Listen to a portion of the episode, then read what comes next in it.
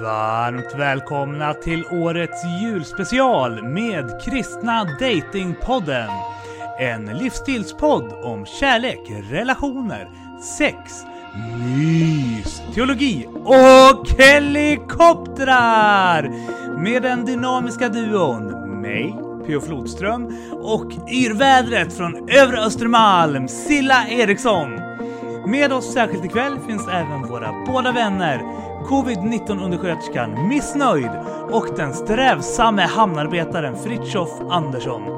Podden presenteras i samarbete med kristendate.se, Studieförbundet Bilda och hela Samfunds-Sverige. Silla, vet du vad det blir nu?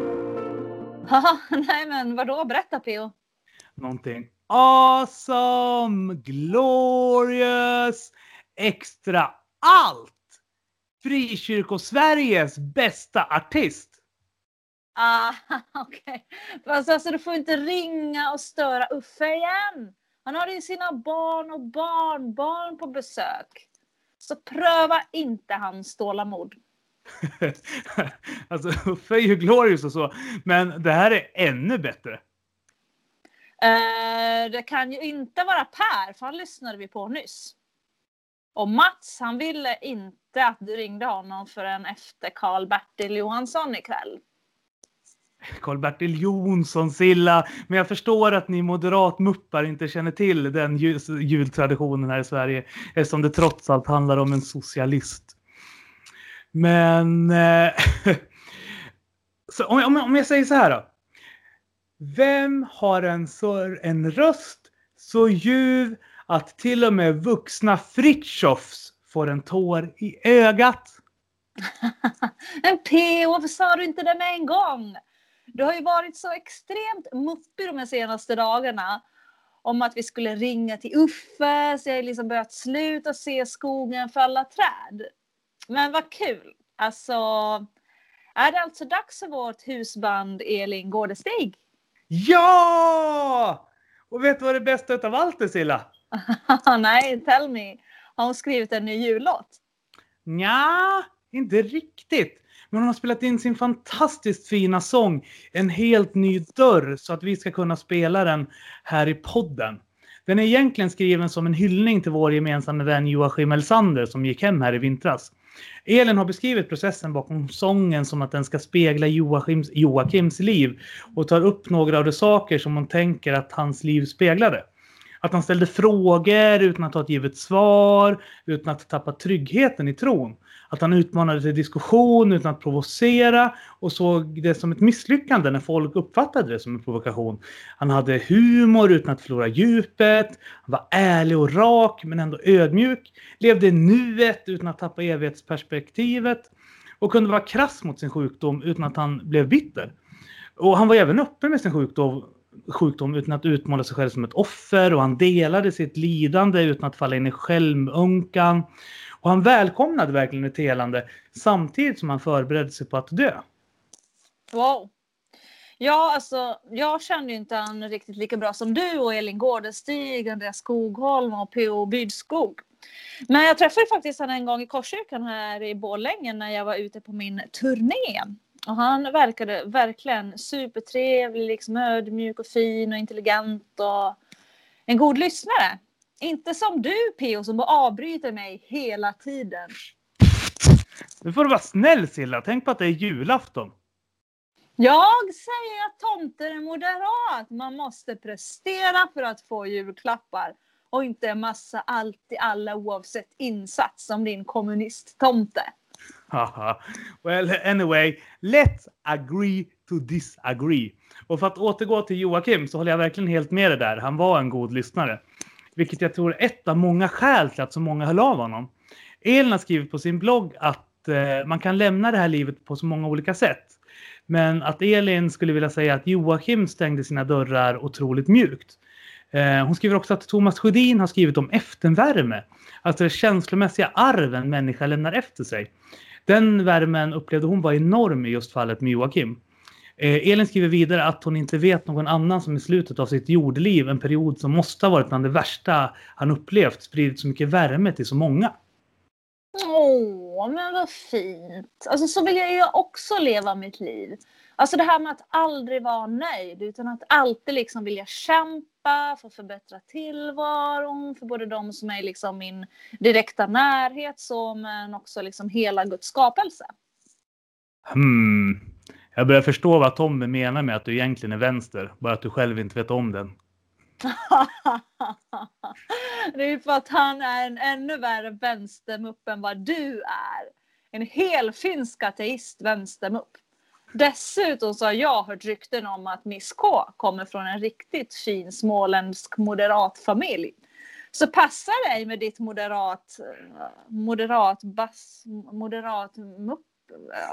Ja. Knäppboll. Jag tror inte på arvsynden på det viset. Men hur som helst, tillbaka till Elin.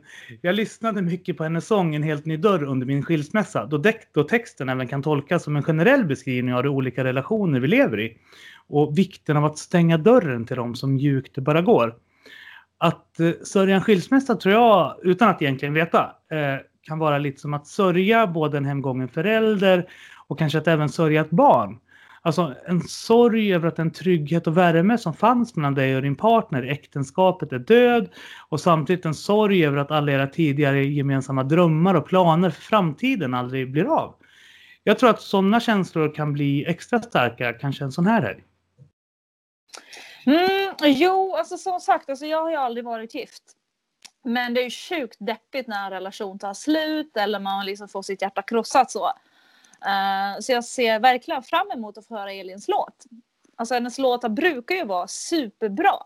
Så jag är verkligen så här sjukt glad över att vi liksom på Kristna Datingpodden har äran att inhysa henne eh, som vårt husband. Så låt oss lyssna på Elin Gårdestigs julhälsning till oss och lyssnarna följt av hennes sång En helt ny dörr. Hej, det är jag som är Elin Gårdestig, även kallad Kristna Datingpoddens husband. När jag känner mig ensam så brukar jag försöka påminna mig om att Gud alltid finns där, även när det inte känns så, och att han vet allt. Jag skulle vilja dela med mig av en liten omskrivning av psalm 139. Herre, du känner mig och ser mitt hjärta. Om jag står i köket eller sitter och jobbar framför datorn så vet du det. Även om du känns långt borta så vet du ändå vad jag tänker. Om jag är ute och springer eller sitter i soffan framför tvn ser du det. Du vet om allt som jag gör. Även innan jag lägger ut något på sociala medier eller skickar ett meddelande till någon på Messenger vet du redan vad jag kommer att skriva. Du omsluter mig med din omsorg, ja, din hand bär och skyddar mig på alla sidor. Jag kan inte greppa det. Det är som att försöka förstå universum. Var skulle jag kunna gömma mig från din närhet? Vart skulle jag kunna fly så att du inte skulle kunna se mig? Om jag stiger upp tidigt på morgonen för att uträtta så många saker som möjligt för att distrahera mig från jobbiga tankar, så är du där. Om jag gömmer mig under täcket för att vänta ut en bedrövlig dag, så är du också där. Om jag tar en lunchpromenad för att få lite ljus, eller om jag doppar mig i en vinterkall sjö för att dämpa tristessen, så når du mig även där. Om jag säger det finns inget hopp, Karantänlivet fyller mig med ensamhet och ångest och det tjocka molntäcket skymmer det lilla ljus som decembersolen kan erbjuda. Så är mörkret inte mörkt för dig. Decembernatten är ljus som en sommardag, själva mörkret är ljus. Du skapade mitt immunförsvar, du vävde mina lungor i moderlivet. Tack för de mäktiga under du faktiskt gör. Jag slutar aldrig att förundras över dig. Du känner mig utan och innan och det vi skulle möta det här året visste du redan om i världens begynnelse. Du såg mig innan jag ens var född. Mina dagar var redan nedskrivna i din bok innan de ens hade hänt. Dina tankar är för höga för att jag ska kunna förstå dem och så många att jag inte kan fatta det.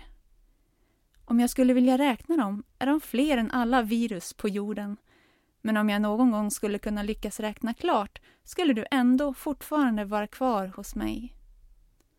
Döda det onda Gud, låt alla virus försvinna som trotsar alla restriktioner och vägrar att sluta sprida sig. De har ändå ingen makt mot dig. Skulle jag inte hata det som släcker liv och får människor att må dåligt? Skulle jag inte avsky det som reser sig mot din frid på jorden? Jag hatar det som gör människor till fiender, sprider fruktan och tar död på kärlekens glöd. Men granska mina tankar, Gud, och ge mig vishet. Lyssna till min bön och känn min oro. Och låt mig inte tappa bort dig på vägen genom mörkret, utan led mig rätt så att jag inte går vilse.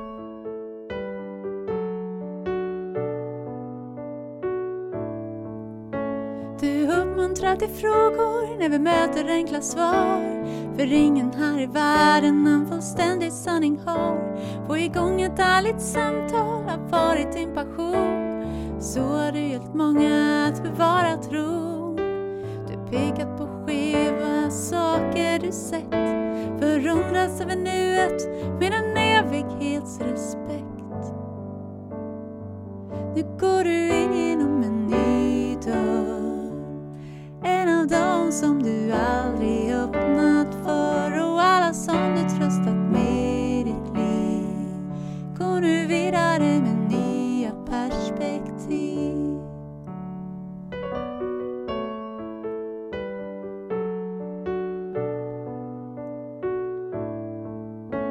Vi önskar att du skulle en andra halvlek få Att du skulle få se barnen växa upp ändå Gud skulle välja att starkt gripa in Förbarma sig över familjen din.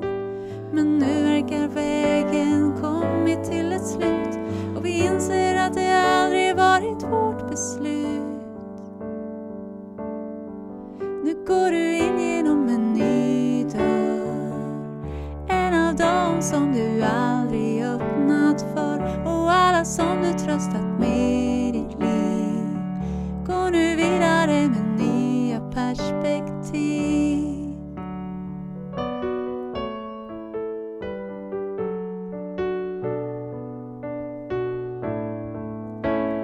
Dörrarna bakom dig stängde du försiktigt. Kanske har det aldrig känts mer viktigt vad vi gör med vårt liv. Hur vi möter varandra, vilka spår lämnar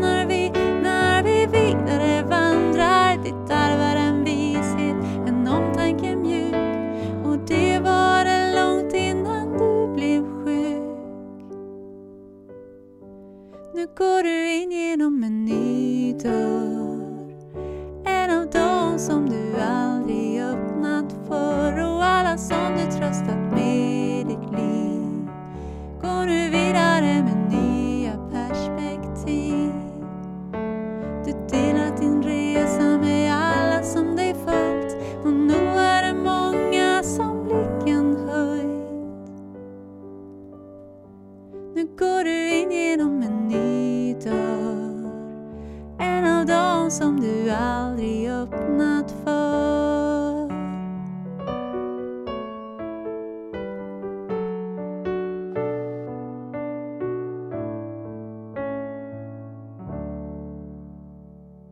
Silla, vi fick precis ett meddelande på Instagram från Svärden Idags redaktionsmedlem Sim, Kim med C.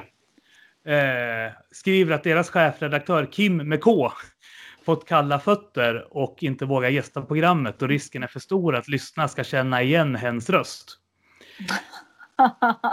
men alltså vilka muppar hela det där gänget är alltså. Sjukt roliga men muppar. Okej, nej men vadå, skriver de något mer eller? ja, det är faktiskt ovanligt gulliga. De skriver och tackar för ett bra, bra program. De säger till och med att det här är guld. De säger att de uppskattar gästlistan som vi har fått ihop. Och det ber också om ursäkt för att det bangar. Men undrar om vi kan läsa upp en julhälsning från dem till alla våra lyssnare och deras följare istället. sure, ge mig din mobil. Okej, okay, så det här är alltså en officiell hälsning från Kim med K, Kim med C och hens hittills icke namngivna kollega som är det som just nu skriver till oss från Svärden idag. Och då skriver de så här. Vi vill bara använda utrymmet till att önska alla en riktigt god jul och Guds rika välsignelser samt tacka för alla de fantastiska tips och glada tillrop som inkommit till vår redaktion under det gångna året. PS. Kim med K önskar att 2021 blir ett år av mindre debatterande online. Testa att ringa varandra istället så slipper han se folk som inte kommer överens på Facebook. DS. Hmm. Så det där, det där gänget använder alltså Facebook? Undrar om jag är Facebook-vän med någon av dem? Det är vi båda garanterat baserat på en del grejer som de skrivit till oss privat. Jag tror fortfarande att det är Peter Jenbeck, Jakob Langvik eller Simon Axelsson eh, som är inblandade på det ena eller andra viset. alltså för bara någon månad sedan så var ju du helt övertygad om att det var Jakob Zetterman, Joel Halldorf och Robban Stjernberg som var sfären idag. Det slog ju till och med vad med Jakob Zetterman och förlorade en tre månaders prenumeration på tidningen Dagen till Humanisternas ordförande Patrik Lindenfors. Men jag försökte ju vinna den till dig ju! sure, men det hade ju varit lika billigt för dig att i så fall köpa den direkt till mig istället för att swisha Jakob kostnaden för Lindenfors prenumeration. Ja, ja, ja. Ni moderatmuppar ska alltid hålla på att vara så rationella. What's the fun in that liksom? well, fakta tar ingen hänsyn till dina känslor, PO. Mm. Anyway, jag gillar verkligen svärden idag. Oavsett vilka det nu råkar vara så tycker jag att de fyller en sjukt viktig funktion inom svensk kristenhet. Utan dem och Blessed are the Cheesemakers, eller Batch som de också kallas, tror jag att vi skulle ha haft mycket mer konflikter inom samfund Sverige. Ja, alltså Sverige idag bidrar ju verkligen till att skapa och upprätthålla en nödvändig självdistans. Det får man ju faktiskt ändå säga. Alltså jag menar seriöst B.O. Så jag tror det är sjukt farligt om vi tar oss själva på för stort allvar och inte kan skratta åt oss själva ibland. Var det inte vår gamla lärare förresten, Greger Andersson på ÖTH som eh, hade någon så här ordspråk som typ handlade om just det? Jo, han sa att det säkraste sättet att ta reda på huruvida en församling eller sammanhang var sunt eller inte var att observera hur de skämtar med varandra. Ifall huvuddelen av skämten är på den andres bekostnad så menade han att det är en varningssignal.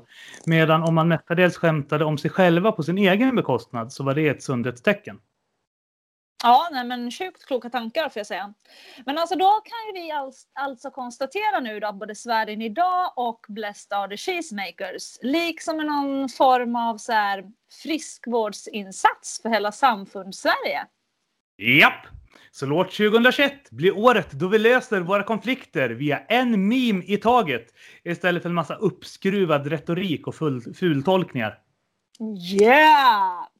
By the way P.O. jag tror att vi precis fick in en till hälsning. Alltså din datorskärm blinkar i alla fall en massa. Ja, men det är från Sören Peder. Sjukt glorious alltså. Eh, tidigare föreståndaren på Örebro Pingstförsamling. Han har skickat lite tankar kring hur vi kan ta oss igenom världens ensammaste jul. Ah, men spännande att höra. Han är faktiskt träffat. Jag är faktiskt predikat i pingst i Örebro för många år sedan. Och det sägs att han är en fantastisk förkunnare faktiskt. Alla vet att det är stor skillnad på ensamhet och ensamhet. Självvald ensamhet kan vara ljuvlig. Men ofrivillig ensamhet, det är en plåga. Under jul och nyår 2020 är det fler än vanligt som är ofrivilligt ensamma eller som i varje fall träffar färre än man brukar. En mig närstående gick igenom en skilsmässa och en del andra konflikter som gjorde att många av hans nära kontakter klipptes av. Självklart led han av det. Hans dotter gav honom en dag en replik som stannade kvar. Hon sa Pappa, du måste bli känslomässigt självförsörjande. Det är kanske sant. Men det är ju lättare sagt än gjort. Vi är sociala varelser. Ett steg på vägen till att bli mer själv, känslomässigt självförsörjande kanske ändå är att upptäcka det som inte bara är ett kristet slagord utan en djup och sann verklighet. Gud vill ha gemenskap med oss. Det här är en av Bibelns mest dokumenterade beskrivningar av eh, Gud. Gud är social, han vill ha gemenskap med oss. Vårt äldsta barnbarn fick ett syskon när han var två år. Plötsligt hade han konkurrens om mammas uppmärksamhet. Det gjorde att han gång på gång brukade ropa Jag vill vara med dig mamma, jag vill vara med dig. Läser vi Bibeln från perm till perm upptäcker vi att Gud säger samma sak till oss människor. Redan i Edens trädgård ropar Gud efter Adam och Eva när de gömmer sig för honom. När Gud sedan verkar genom historien, genom att utvälja ett folk och genom det folket frälsa världen, så är det ett eko av det ropet. Det är det som till sist sker genom Jesus, som både representerar det utvalda folket och hela världen. Så älskade Gud världen att han gav den sin enda son. Gång på gång upprepar han det som är en variant av, av barnbarnets rop. Jag vill vara med dig. Till Jakob säger Gud i drömmen, ni vet när han sover med en sten som huvudkudde i Betel på flykt från sin brors hämnd. Så då säger Gud, jag ska vara med dig och skydda dig vart du än går. Jakob vaknar och säger förvånat, Gud är på den här platsen och jag visste det inte. Till Mose säger Gud exakt samma sak när han inte vill gå in i ledaruppdraget för Israels folk.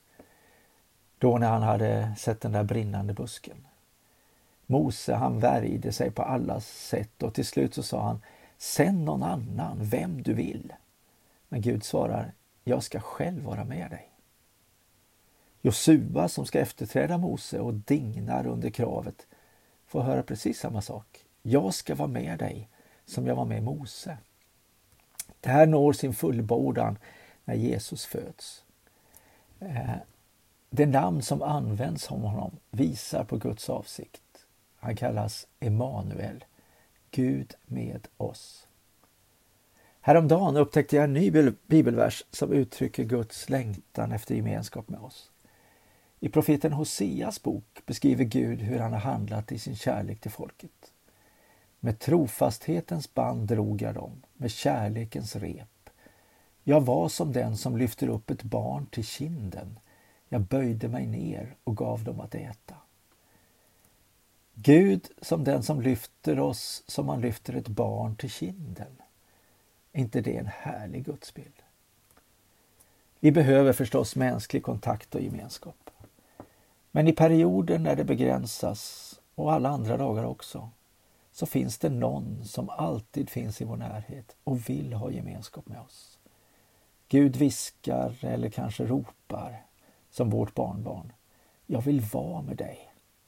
Med den underförstådda frågan, vill du vara med mig? Alltså, jag måste säga att Sören Peder hade väldigt fina tankar kring det här med ensamhet. Det han sa till oss är lite, det återkommer lite grann av det som Josefin Arrhenius och Josefin Lennartsson sa, men jag tycker det är värt att uh, höra det igen. Så. Att, för ensamhet är fett tungt, men, och det enda vi kan göra i stunden är att hur vi förhåller oss till den. Det är som Thomas Sjödin brukar säga, att här, regnet är ett stor, större problem fram tills det att du tar emot det och bottnar i det. Så. Ja, alltså jag håller med dig PO i det här, men jag måste säga att nu har vi suttit här alldeles för länge igen. Alltså jag behöver någon slags paus här nu känner jag. Men Silla, jag har ju fixat en civilekonom åt dig i julklapp. What? Seriöst? Har du hittat en civilekonom på julafton? Alltså exakt det jag har önskat mig. Pappa! Hallå? Hej Jakob! Hej Silla, hur är läget? Jo, men det är bra. Alltså, du förstår, det är ju så här att jag och P.O. Alltså, vi har snackat med en massa pastorer, chefredaktörer, entreprenörer, politiker, artister, men inte en enda civilekonom. Ja, men då är det väl ändå dags, eller hur? Ja, men verkligen. Alltså, det kan jag verkligen hålla med om. Och dessutom så har du ju Frikyrkosveriges hottaste efternamn har jag och PO kommit på här. Ja, är det så? Hur? Ja, men det är ju så. Vi snackade ju du och jag PO om det här med efternamn här och vi kom fram till att du har faktiskt Frikyrkosveriges hottaste efternamn. Alltså grejen är att Fredrik Andersson på Smögen, tror jag, sent 1800-tal eller tidigt 1900-tal, fick ju för sig då att han skulle ta steget eh, och lämna Andersson bakom sig och eh, fick bara känslan att han skulle heta Andelius istället och tanken var att det var en, en mix av ande och ljus. Mm. Så då blev det Andelius. Ja. Från Andersson alltså till Andelius. Mm. Alltså jag undrar om jag skulle kunna hippa till mitt efternamn på något liknande sätt. För jag menar det kan inte bli mycket mer tråkigt än Eriksson. Alltså jag har tänkt på det här så länge att jag måste göra något åt mitt efternamn. Faktiskt. Ja, men det går nog att hitta på något bra där. Hitta några mäktiga, Ah. mäktiga powerord på E. Borde inte vara så men svårt. precis. Nej, nej men eller hur. Ja, jag, jag får Kör på fundera det. på det där känner jag. Ja, Ja, men ja, bara göra som någon som heter Andersson då, ta bort ett S eller någonting. ja, ja, jag vet inte riktigt. Jag, jag, jag- får klura på det där känner jag. Silla Irecon. Ironson skulle jag kunna heta. Något sånt. Iron. Det är lite hippt. Ironson. Mm. Ja, det lät hårt. Det är coolt. lite sådär. Som triatlet är det lite coolt så här Ironson, Ironman, Ironwoman. Ja. Nej men det är så här, vi skulle behöva lite julklappstips PO. Och vi har ju funderat på det här liksom, uh, vad är en bra present att ge till en partner vi funderar på. För det är någonting som är, jag tror alla tycker att det är lite knepigt. Vad ska man egentligen ge till en flick eller pojkvän? Så vad, vad, vad, vad är dina tips Jakob om man har lite svårt att hitta present till en partner? Vad tycker du är en bra present? Nu blir jag lite fundersam här om jag ska ta det jag verkligen tänker. eh, Och jag undrar om det är som lämpar sig för podd eller om jag ska inte göra det. Men det är Är lite roligt. Jag? Handlar du på Blasmi, Jakob?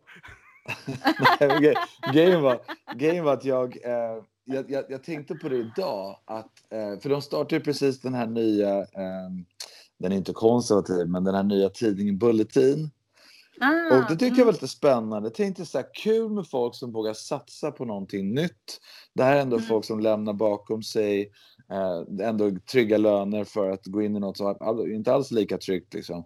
Så tänkte jag att det där ska jag köpa typ till min, åtminstone till farsan i julklapp. Men eh, ja, hade jag haft, eh, nu är jag ju singel då, motvilligt, men, men eh, hade jag haft någon att, eh, att köpa till, då hade man kanske gjort en sån, en halvårsprenumeration för att visa liksom att att Mm. eh, i år så ska vi ha rejäla utbyten, intellektuella utbyten och prata om samhällsfrågor och, och sådär. Och jag vet att det här är något som du PO aldrig skulle vilja... Nej, jag skojar bara. Jakob, jag, jag prata sitter och tänker är att ifall du hade varit en hot, fin frikyrkotjej, då hade jag köpt en årsprenumeration på Proletären till dig. Ja, ja, proletär. Jag satt faktiskt på tåget här nu för några timmar sedan och lyssnade på Hanif Balis podd och just pratade om den här nya tidningen. Mm, där har du den. Så, ja. Så, Mm. så det, det, den kan det nog bli tror jag. Ehm, Ja. och så. Sen får man ju se liksom lite don efter person också. Alla kanske inte... Ja, det handlar lite om vad personen behöver och vill ha och, och, och liknande. Sådär. Eh, Mm. jag kan tycka liksom att i en, i en tid när ingen av oss egentligen behöver, alltså alla klarar oss, de flesta av oss har klarar oss ekonomiskt helt okej om man bara har chans att förvärvsarbeta i Sverige. Då kan jag tycka att, att poängen med presenten är ju mycket mer tanken bakom och, och bara egentligen signalen att jag bryr mig om dig. Det är det som är liksom nyckeln. Så att, och därför känns det som att nog för att man kan kora årets julklapp och om det är en bakmaskin eller vad det nu kan vara. Men för, framför allt så handlar det om att Mm. hitta någonting som synkar för den här personen så personen känner att wow, här är någon som faktiskt tänkte till och hitta något som, Mm. som passar just för mig. Mm, verkligen. Och jag som är minimalist. Ja men PO. Jag som är minimalist, jag gillar ju inte ens prylar så jag tänker så här liksom upplevelser. Jag samlar ju på upplevelser och erfarenheter och jag tycker det är det absolut finaste man kan ge till någon. Ja PO, vad har du på hjärtat? Ja, alltså jag vill bara fråga Mr. Andelius, vad är den finaste gåvan någon har gett dig? Oj, det var väldigt, väldigt svårt. Eh, Ja, nu står det still alltså. Jag har fått mycket fint, men det, det är lite som att fråga någon vilken är den bästa film du har sett?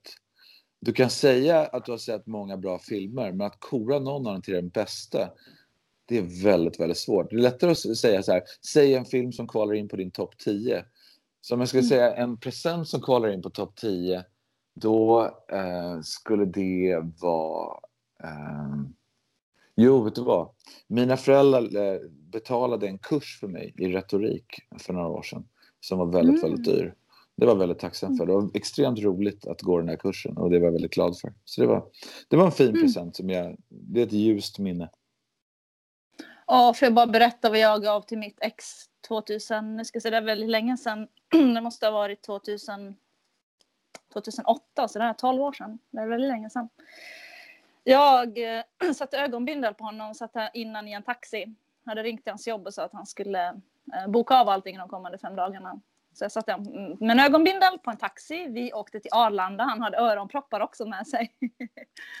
och han hade ingen aning om vart det var. Så jag satte han på ett flyg till Paris.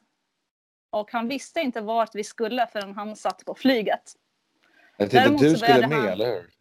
Ja, ja, jag var med. Jag hade packat alla hans grejer och allting. Så jag skulle eh, överraska med en överraskningsweekend i Paris. Så det var faktiskt lite roligt. Men däremot så han började pipa i säkerhetskontrollen. Så då var han tvungen att ta av sig sin ögonbindel. Så att, eh, då fattade han ju att han var på Arlanda. Men han visste inte vart vi var på väg förrän han satt på flyget till eh, Paris. Så det var lite kul faktiskt. Vad gulligt! Ja. ja. men faktiskt, det där, är ju, det där låter lite som mer en kille kanske skulle göra eh, mot en tjej. Men det är fantastiskt att det funkar åt andra hållet också. Mm, det gör det. Jag älskar att överraska människor så det, det är kul. Mm. Men um, vad... Um, har ni börjat med någon julmiddag där hos dig än, Jakob? Eller hur ser det ut? Vet du vad, den här julen blir lite speciell därför att jag går ju bibelskola just nu. Mm. Och i bibelskolan så är det jättemånga från andra länder och eh, man inser då liksom att många av dem kommer inte kunna flyga hem till sina familjer och liknande. Så vi mm. kör faktiskt en specialare i år. Jag är på um, vet inte, jullunch som jag brukar hos mina föräldrar men sen efter det mm. så har jag faktiskt bjudit hem de som vill det från bibelskolan att vara hos mig från klockan fem och framåt. Så att vi blir ett, ett, glatt, eh, ett glatt järngäng där som ses eh, klockan fem på julafton. Ja, men det, jag hörde ju faktiskt av Svante i killpanelen att han skulle hem till dig. Just det, precis. Ja. Svante ska ja, dit. Och, så, att, eh, så vi blir ett, ett färgstarkt gäng. Vi har då Svante och jag som är helt svenska. Men sen har vi en kille från Afghanistan, en tjej från Ryssland, en tjej från Armenien. Vi har um, en tjej från Syrien och vi har även en person från Italien. Så det blir sannerligen uh, en, en, en blandning. Mm, men gud vad roligt. Verkligen. Mm. Vad är favoriträtten Jakob på julbordet då? Oj. Um, det godaste, alltså jag vet inte, jag ju väldigt svag för att göra mackor av allting. Så att man tar, alltså allt som finns på ett julbord passar ju att lägga på en macka. Så jag brukar, jag brukar göra en sån här riktig landgångsmacka med lax och prinskorv och köttbullar och rödbetssallad och allting på en mm. sån. Jag tycker någonting har gått förlorat tyvärr när vi inte mm. kör landgång mer. Alltså landgångstraditionen var ändå något härligt alltså. Så jag hoppas mm. att vi kan hitta tillbaka till det. Att det, kan bli, det kanske kan bli nästa hipstergrej i Sverige med landgång. Men ost då? Du är ju också lite cheesy Jakob, är du inte det? Jo, så är det. Ja. Alla, vi klart man mm. gillar ost. Vem gör inte det? are the cheesemakers. Men du Jakob, jag lovar att om du hänger med Silla eller Svante upp till Bålänge nästa gång någon av de här vägarna förbi här, då ska jag fixa landgång åt dig. Ja, det låter fantastiskt. Tack P.O. Det ser jag fram emot. Sen det, är, det är en väldigt speciell jul i år. Det är väldigt, väldigt många i vårt avlånga land som sitter ensamma, kanske för första gången i sitt liv och har en ensam jul. Uh, har du några liksom, så tankar eller tips eller sådär att dela med dig av till de som liksom sitter helt ensamma denna julen och bara liksom känner att ja, men det här är bara skitjobbigt att sitta själv och man bara sitter och har ångest inför allting. Vad mm. skulle du vilja säga till dem? Nej, jag tror att det är så också. Jag tror att vi kommer att se tillbaka på den här tiden och inse att det förmodligen var värre än vi trodde under ytan, du vet med ohälsa och allt sånt där. Mm. Det är lite hemskt att, att tänka så såklart. Eh, mm. Men, men eh, ja, jag skulle nog tänka att, att, att försöka agera istället. Alltså det, det, mm. Många är som du säger då kanske ensamma för första gången, det har blivit så, eh, vare sig man vill eller inte. Men, mm. men att, att ta initiativet. Alltså inte, man måste inte göra mycket, men bara en sån grej som att, att förstå, ringa lite samtal. Och, eh, alla känner mm. någon som man kan ringa i telefon. Liksom. Eh, det måste inte vara mm. någon annan i samma situation, men bara liksom att, att, att göra någonting. Bara att, att vara aktiv på något sätt tror jag gör väldigt mm. stor skillnad för en enskilde. Så att, mm. eh, i den mån man, man vill och kan så tror jag att, att bara att, att skypa med någon på julafton gör stor skillnad tror jag. Man ska inte underskatta mm. det. Nej, men verkligen. Nej, men det är verkligen en sån tid nu när vi verkligen börjar komma samman. Vi har ett ansvar för varandra tror jag. Det finns alltid någon som man kan höra av sig till som sitter lite ensam. Så det vill vi Absolut. verkligen uppmuntra till. Verkligen. Absolut. PO, Jag har en fråga till Jakob. Eh, för jag tänker så här, även om det kan vara deppigt och mörkt nu så tänker jag att en bra grej för människor att göra när de sitter i ensamhet är att dels sitta och fantisera över vad de skulle göra ifall de vann 10 miljoner, men även vad de... Nu, nu kollar Silla på mig med sjukdömande blick. Hon blir alltid jättedömande när jag pratar om pengar. Men strunt samma. vadå? Vi är dömande när vi pratar om pengar. Ja, när jag pratar om pengar så kollar du dömande på mig. Men Okej. Men strunt samma. Eh, Jakob, Eh, en annan grej som kan vara schysst att sitta och fantisera och drömma om när man är i ensamhet, det är vad man ser fram emot den kommande tiden. Och vad ser Jakob Andelius fram emot under 2021? Ja, men när jag hör, när frågan kom just från dig PO, då är det ju eh, lätt att man osökt kommer att tänka på den här nya podden som kommer startas upp, nämligen Jesus och politik.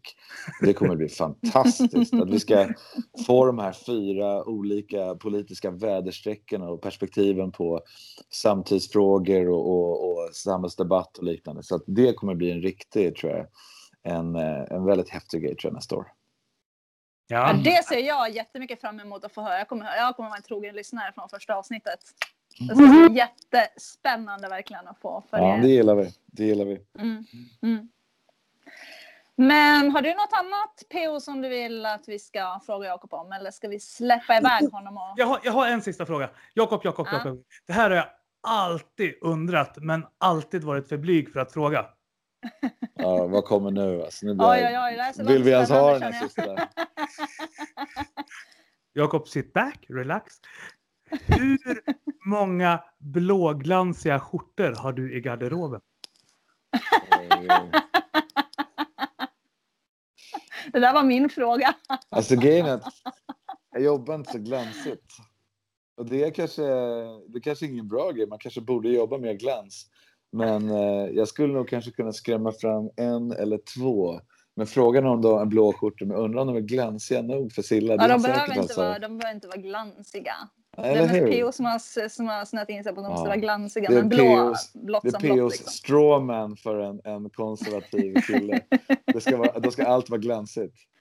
Har du, Men- sett, har du sett POs, har du sett POs nya blåglansiga skjorta förresten? Visst är han rätt uh, hot i den? Ja, det, det, det är det som är det galna. att PO ser bäst ut i den själv. Det, det är inga konstigheter. Väntar Eller du tills jag har klätt ut Silla till en AFA-tjej från 2005, då ska du få se på hot.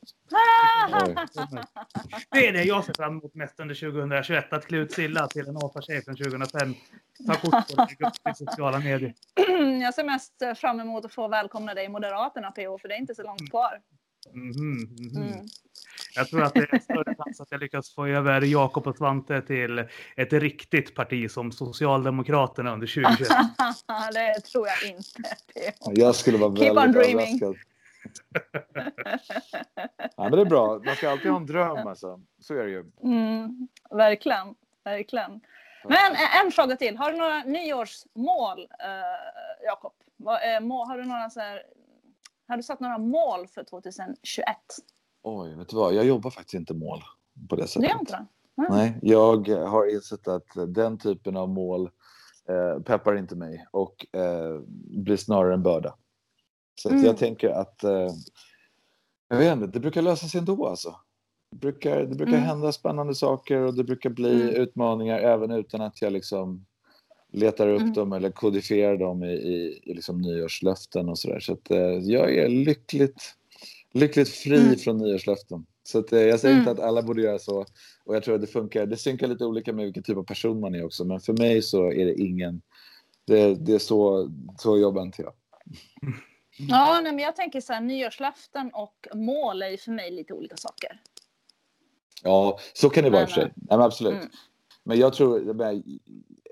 Det, det, det hör ju lite till att när man går bibelskola så blir det ju... Det är en tid när man... Det är lite som att vara pappaledig. Att man funderar Mm. mycket på eh, framtiden och man funderar mycket på vad som ska bli av allting. Så, att i den ligger Mm. ju en, en, en fundering när det gäller Mm. vart jag är på väg, vad är det som händer och så där. Så där funderar man väldigt mycket över mål. Men jag tror inte att jag har Jag har nog inte liksom slagit fast det i något mätbart.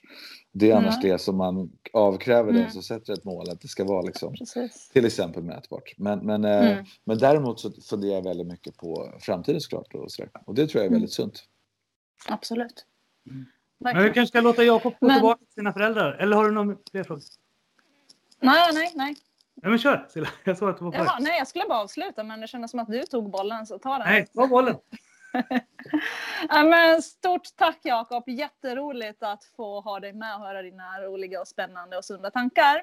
Så får vi önska dig en jättefin julafton. Detsamma, god jul på er!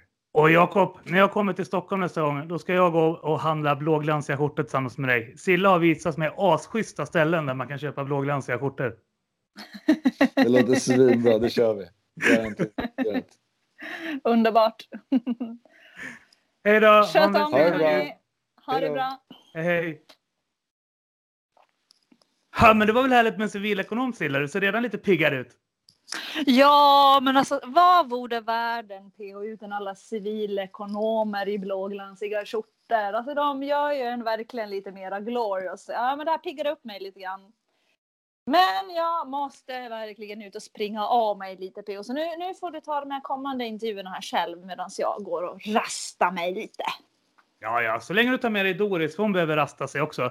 Men jag tar de kommande intervjuerna. Eh, jag, ska, jag ser att Maria Bergström vill att jag ringer upp henne nu. Så ta med dig Doris, ut och spring. Men var tillbaka i alla fall om en, ungefär en timme. För då, ska vi, då har vi bokat tid med Niklas Pienso från Philadelphia församlingen i Stockholm. Eh, så han ser fram emot att prata tyngdlyftning med dig tror jag. Eller vad det nu var. yes, sure, I'll be right back. Yes, men då ringer jag upp Maria. Ha, det, ha en trevlig springtur Silla. Tack. Men hej Maria, vad kul att få ringa och störa dig så här på julafton. Det är bara jag här nu för att Silla tog med sig Doris och gav sig ut på en springtur här i Borlängeskogen. Vi har ju suttit och hållit på med det här ända sedan typ åtta i morse och hon klarar inte av att sitta still så länge. Men jag hoppas du kan hålla till godo med bara mig. Ja, ytterst trevligt, inga problem. Ah, härligt. Men Maria, jag tänkte börja med, eh, du och jag har ju varit vänner på Facebook ett tag, så eh, jag har ju sett eh, alla bilder du lägger upp på när du pyntar och fixar både hem och trädgård. Och du är ju så här världens mest fantastiska pynterska verkar det som. Alltså så här, dina trädgårdsbilder är ju bara helt glorious, extra allt. Det är inte pråligt eller liksom amerikanskt eller liksom, utan det är bara så här fint. Så att jag tänkte, kan inte du lära mig allt du kan? Hur gör man? Oj, vad spännande. Alltså, då tar vi nog ute, tror jag. Det är roligare kanske. Det beror på i och för sig, om man har en balkong kanske också, så kan man ju tillämpa. Nej, men vad ska jag säga då? Jag tycker att eh, det är roligt att ta ut svängarna lite när det är jul. Så är det helt klart. Alltså, det får ju vara...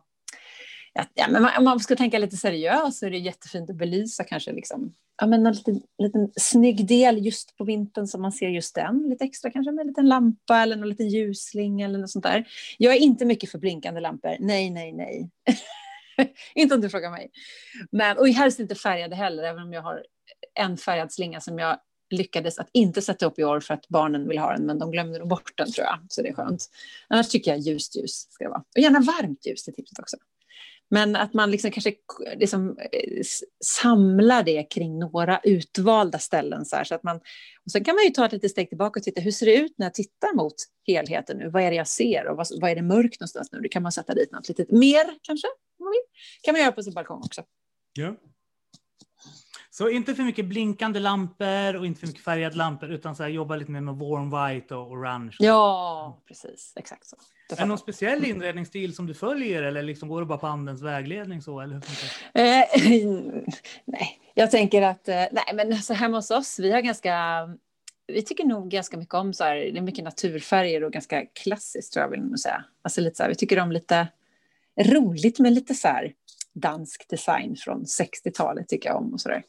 Så att jag, vi har nog ganska, nej men det är ganska enkel inredning som är ändå väldigt mycket naturfärger och det tycker jag är härligt. Och då kan man komplettera med ganska mycket rött tycker jag är fint på julen då inne Mhm. kanske. Och mycket blommor, jag är ju väldigt blomtokig. Så blommor vill jag ju ha. Jag köpte en jättefin bukett, eller jag gjorde en egen bukett idag faktiskt. Köpte sådana här olika små pack med olika blommor och så satte jag ihop en, en bukett som inte är röd utan som är mer rosa, lila, röd så här som ska stå. I jul tänkte jag. Det är också härligt med snittblommor på jul. Mm. Ja, men du, sen har jag hört ett jättespännande rykte om dig. Eh, jag, jag, jag gillar ju din, jag tycker att din musik är superbra. Den är så här mysig men samtidigt så här glad och peppig. Så här. Du har till och med lyckats få Silla att börja gilla salmer. Är det sant? Ja, Ah! gången du skickade in där när vi spelade, vad heter den? Jesus, vem är som du? du hur, vad heter den? Jesus, vem är som du? Ja, Det går rykten om att eh, du ska göra en julskiva. När kommer den här? Oj, käre gud, nu måste jag ju göra det när du säger så. Jag har inte tänkt gå ut med det nu. Nej, men jag tänker nog kanske att den får nog vara ett projekt som är klart om två år. Mm, Det tror jag. För att det är ett litet projekt som man måste ta sig igenom. Men eh, och nu när jag har sagt det måste jag väl fullfölja det också. Ja. Lite, Nej, vi får se. Ja, men det, det är ju roligt, det är spännande. Jag, jag, börjar, jag, har inte riktigt, jag har fått många frågor genom åren. Ska du inte göra en julskiva? Det är några som brukar vara väldigt eh, måna om att fråga det. Och jag har hela tiden känt, nej, men det vill jag inte. Och hur ska man göra det på ett sätt som känns roligt och intressant? Liksom? Det är, alla har ju, framförallt de här kända julsångerna, hur ska man kunna göra det på ett nytt sätt? Eh, så.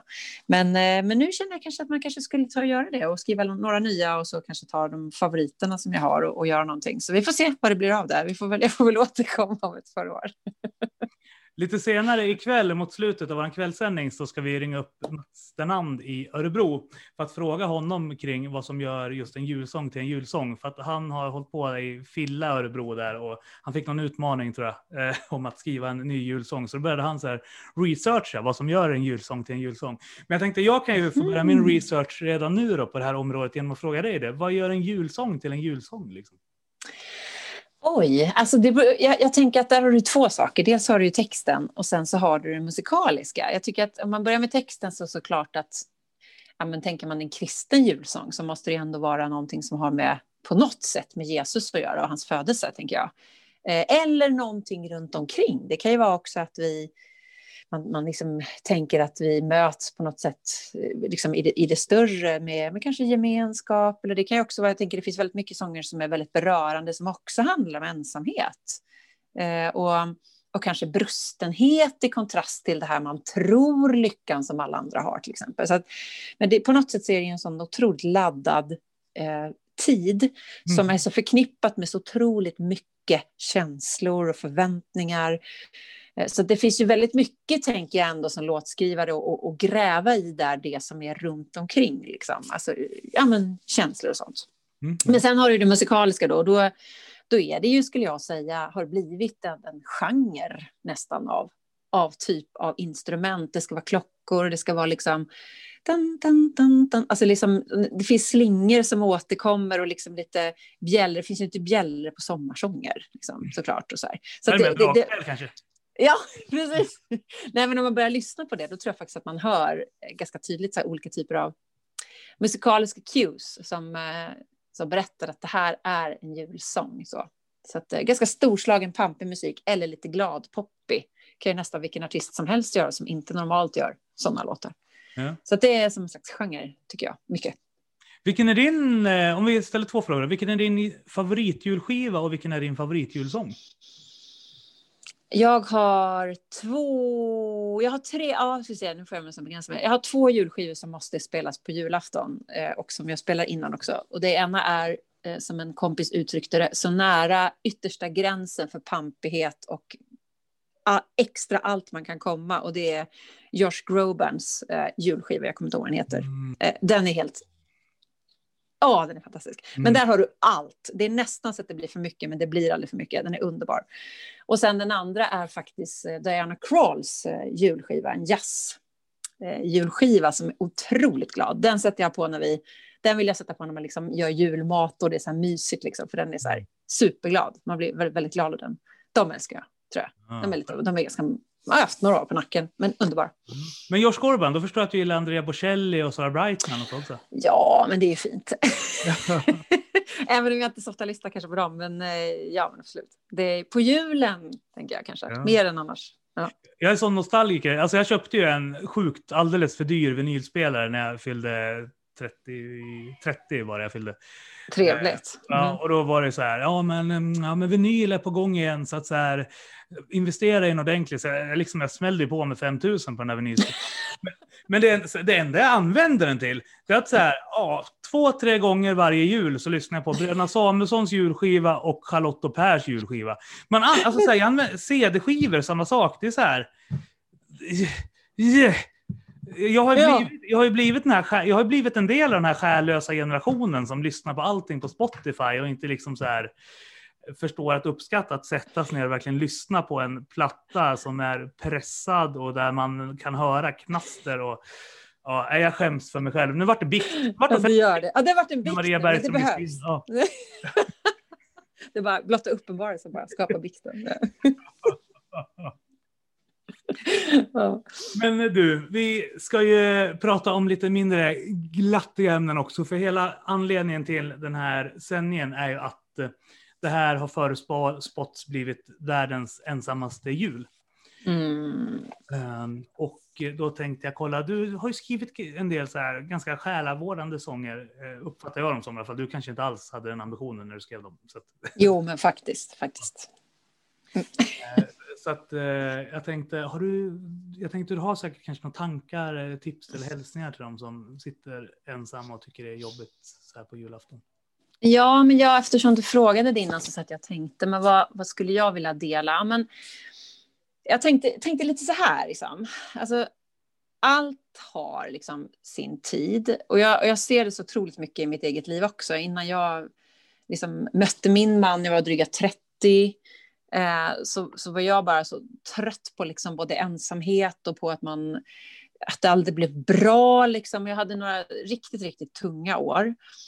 Eh, Men då hade jag ett, ett bibelord som jag, som jag på något sätt hade hört i något sammanhang sådär, som, som egentligen handlar säkert om något helt annat. Alltså jag, för mig så gick det rätt in i mitt liv och det var ett, ett bibelord från Joel eh, där det står så här typ Ja, men jag ska gottgöra er för åren som slukades av gräshopporna, gräsbitarna, gräsätarna och gräsgnagarna. Det låter ju lite konstigt, jag vet inte ens vad det här är för djur.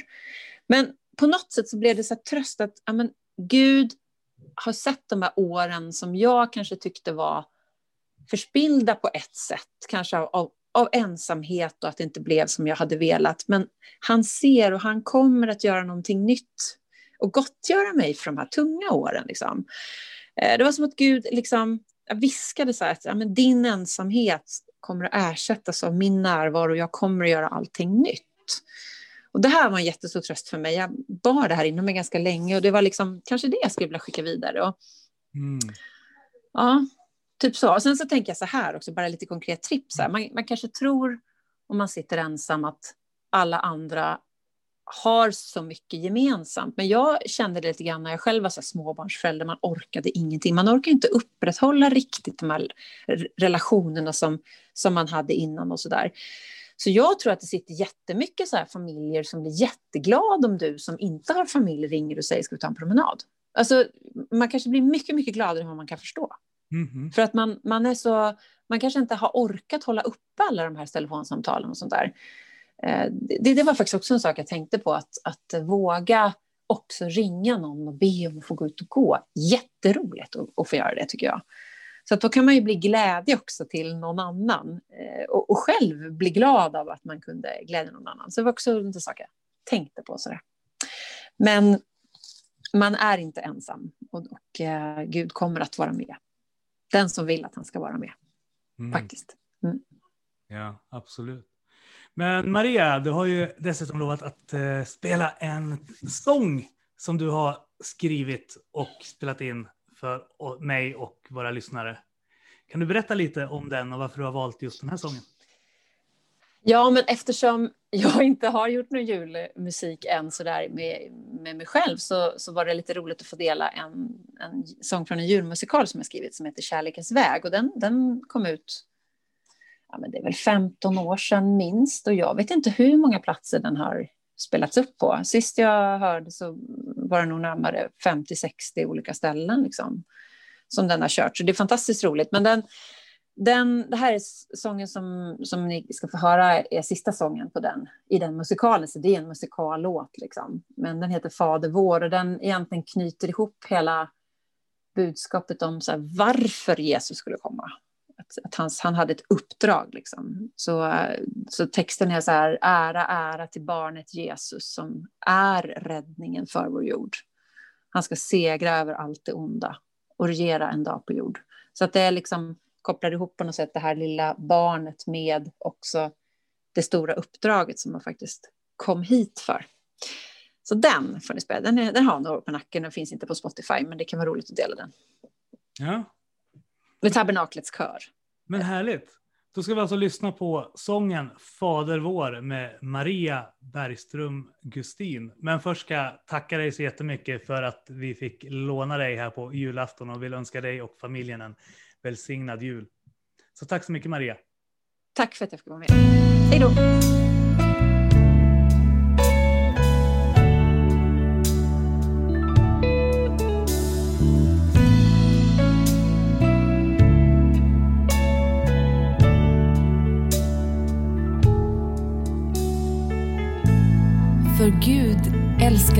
Människorna så mycket att han gav dem sin enda son för att de som tror på honom inte ska gå under utan ha evigt liv. Och jag är övertygad om att ingenting kan skilja oss från hans kärlek. Döden kan det inte och livet kan det inte. Änglarna kan det inte. Inte ens själva helvetets makter kan hindra Guds kärlek.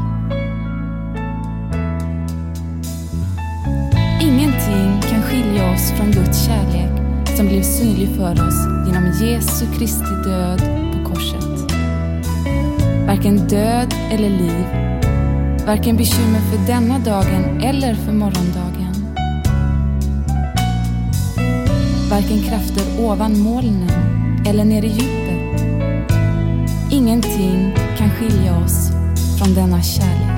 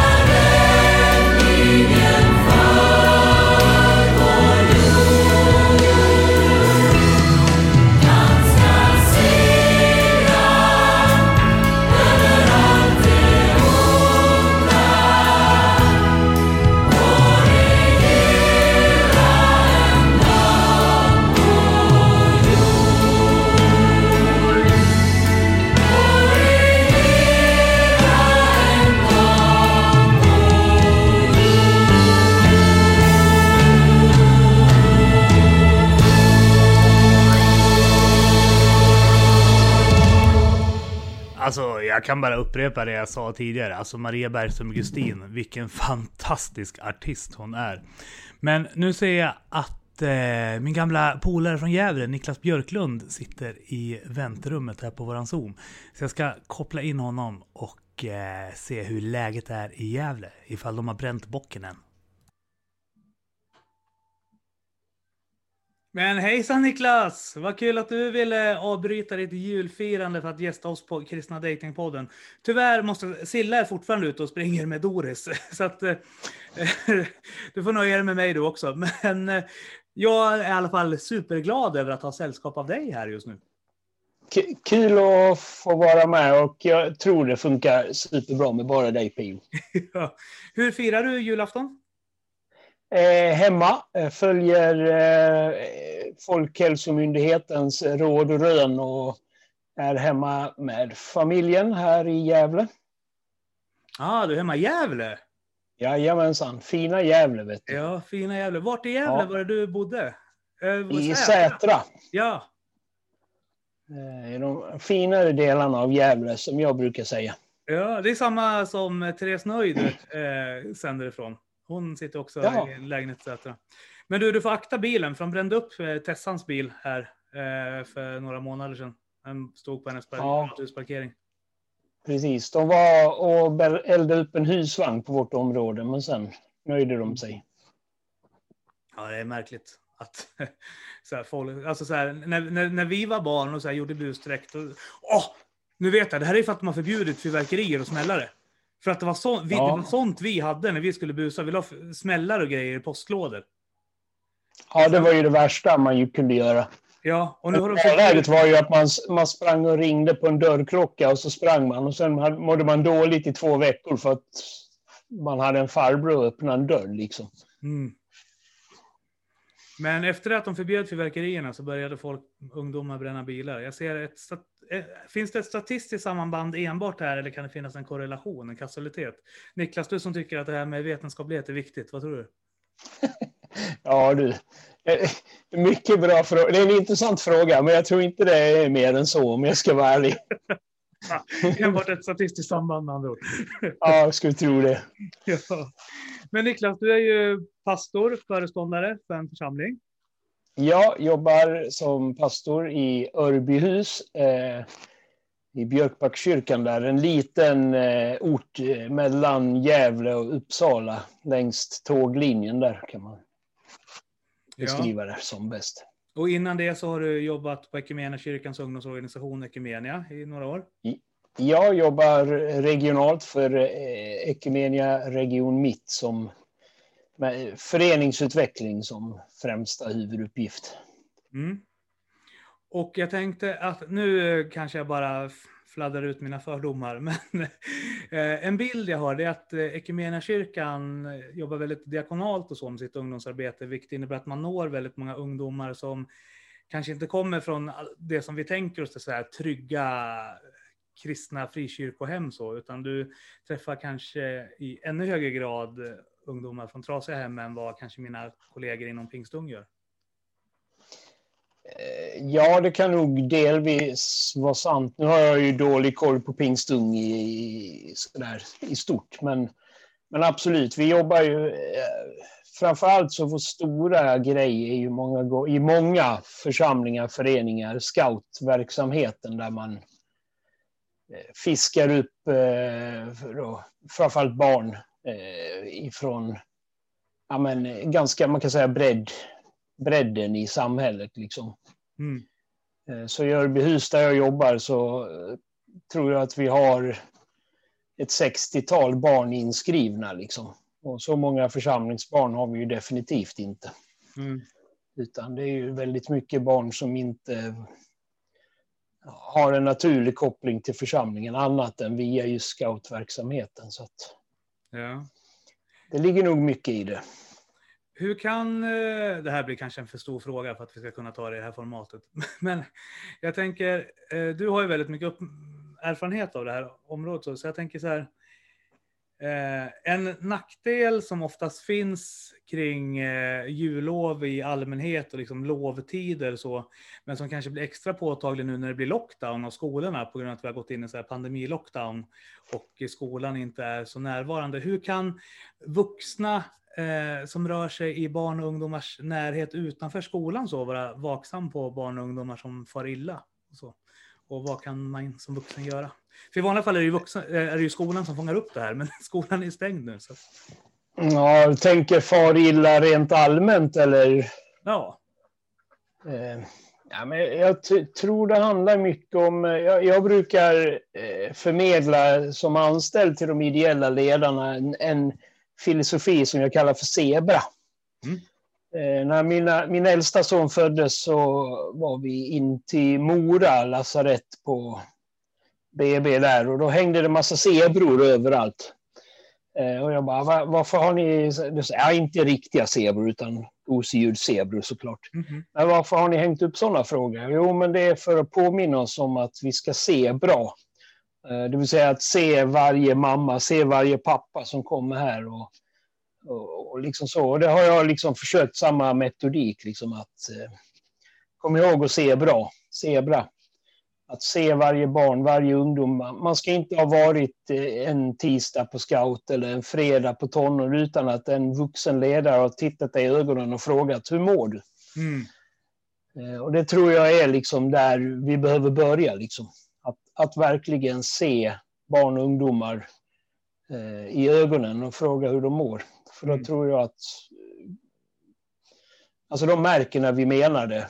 Och när vi frågar på allvar hur mår du så svarar de hur de mår. Mm.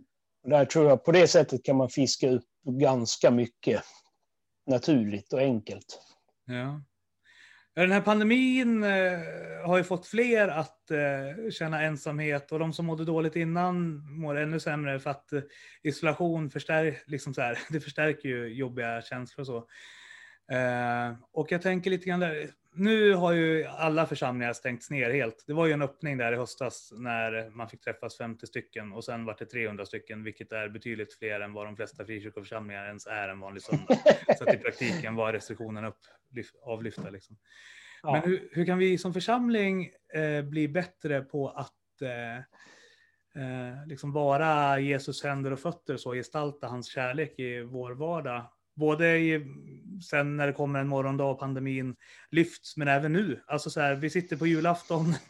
Eh, många eh, som kanske skulle ha varit ensamma i vanliga fall riskerar att vara ännu ensammare just den här julen på grund av att eh, kyrkor och ABF, Unga Örnar och PRO och den typen av verksamheter är nedstängda.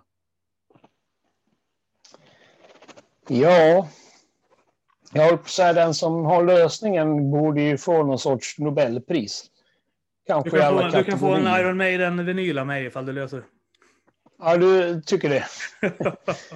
Eh, nej, men, vi, ja, men återigen, det handlar ju om mötet med människor, alltså att hitta mötesplatser.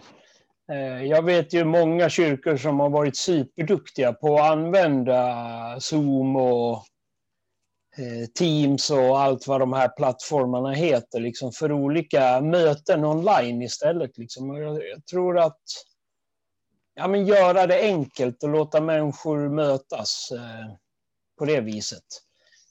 Eh, vi körde kyrkkaffe, eh, det var ganska tidigt i, i, i pandemiskedet, så hade min församling kyrkkaffe på Zoom. Eh, och plötsligt kunde det trilla in någon människa som ingen av oss visste vem det var. Liksom att, ja, men göra de här mötesrummen kända och bjuda in brett Mm, mm. eh, tror jag är ett sätt. Och sen våga fortsätta eh, jobba med, ja men dels jobba digitalt, men att våga vara mer öppna. Sluta vara så mycket klubb för inbördes beundran som vi lätt kan bli. Det tror jag inte är meningen, men när man lever i en liten klubb så blir det lätt också snart inbördes beundran. Liksom. Mm, mm. Ja, det är en kritik som har kommit eh, inför den här jul-livestreamen som vi kör, att eh, en del av användarna inne på Kristen Date tycker att eh, vi skulle ha lagt tiden på att eh, skapa sociala event via Zoom på kristendate.se istället och skapat olika lekar och tävlingar och mindre rum och sånt där. Eh, för de upplever att så här, vi som kör den här streamen, eh, dels är vi inte ensamma och eh, sen de av oss som är det är mer eller mindre självvalt så, för de menar att vi har massa människor och vänner att umgås med ifall vi vill och de flesta av gästerna är så här kristna profiler som har 5000 Facebook-vänner och så där, medan användarna på kristen dejt eh, menar att så här, ja, många av oss, vi är ensamma på riktigt liksom. Eh, så att ni borde gjort någonting för oss istället så.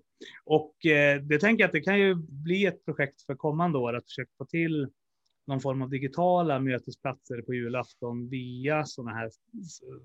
Kristen Date blir ju det jag kommer att satsa på eftersom det är de jag samarbetar med. Men jag tänker generellt att eh, här, du pratar om det, att mötesplatser är viktiga och att digitala mötesplatser kan ha en låg tröst, en lägre tröskel kanske till och med då, än att ta sig fysiskt till en plats. Ja, jag tror just för den som är ensam och kanske inte finns i ett församlingssammanhang så kan det nog vara enklare. Eh, och något vi borde fundera på. Eh, ja, eh, samtidigt som det, det riktiga mötet är ju någonting speciellt. Eh, Jag har ju suttit nu i massvis med Zoom-möten och så det här senaste året och det funkar ju och, och det är ju trevligt att sitta här och köta med dig. Men det är ju inte som att ses på riktigt liksom. Så så att, eh, men det behövs absolut både och och jag tror att tröskeln är sjukt låg Ja. på ett Zoom-möte jämfört med att gå till ett församlingshem eller en kyrka för ett fika liksom. Så är det ju. Ja, du och Gunther har ju lovat att komma hit och dricka alkoholfri öl med mig och P.O. Byrskog i Mittspasen efter pandemin. Så det ser vi fram emot. Ja, det gör vi. Ja, jag tror det blir första Absolut. gången jag, jag träffar dig sedan typ 2010 eller någonting, eller 2012. Ja, det var, det var, det var länge sedan vi sågs på riktigt nu. Eh, Eh, så att jag tycker att videochattar kan ha, fylla en skön funktion även utanför pandemin. För det gör ju att så här, människor man annars kanske inte hade knutit an till så mycket, att man ändå by- kan bygga en relation med dem från bor över, utspridd över hela landet. Och så där. Ja, och det, det är väl kanske en av, eh, om man nu ska leta någonting gott med det här pandemimöget, så är det ju att vi har lärt oss att hantera sociala plattformar och andra digitala plattformar på ett nytt sätt, liksom, som, som vi ska ta med oss in efter pandemin. Liksom. Mm.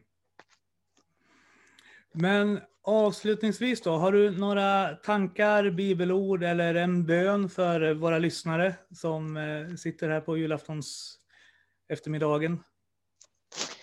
Eh, alltså jag... Eh,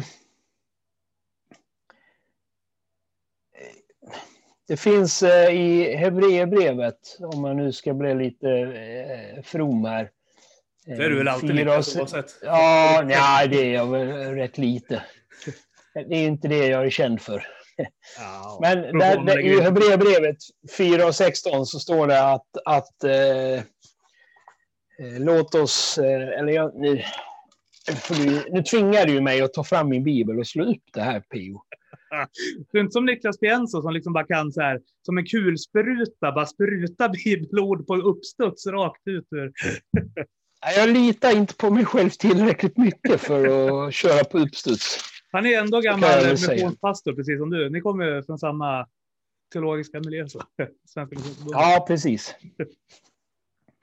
Ja, ja, men det står så här. Eh, i fyra, eller jag läser 4 av 15. Vi har inte en överste präst, och det handlar ju om Jesus, som är oförmögen att känna med oss i våra svagheter, utan en som har prövats på alla sätt och varit som vi, men utan synd.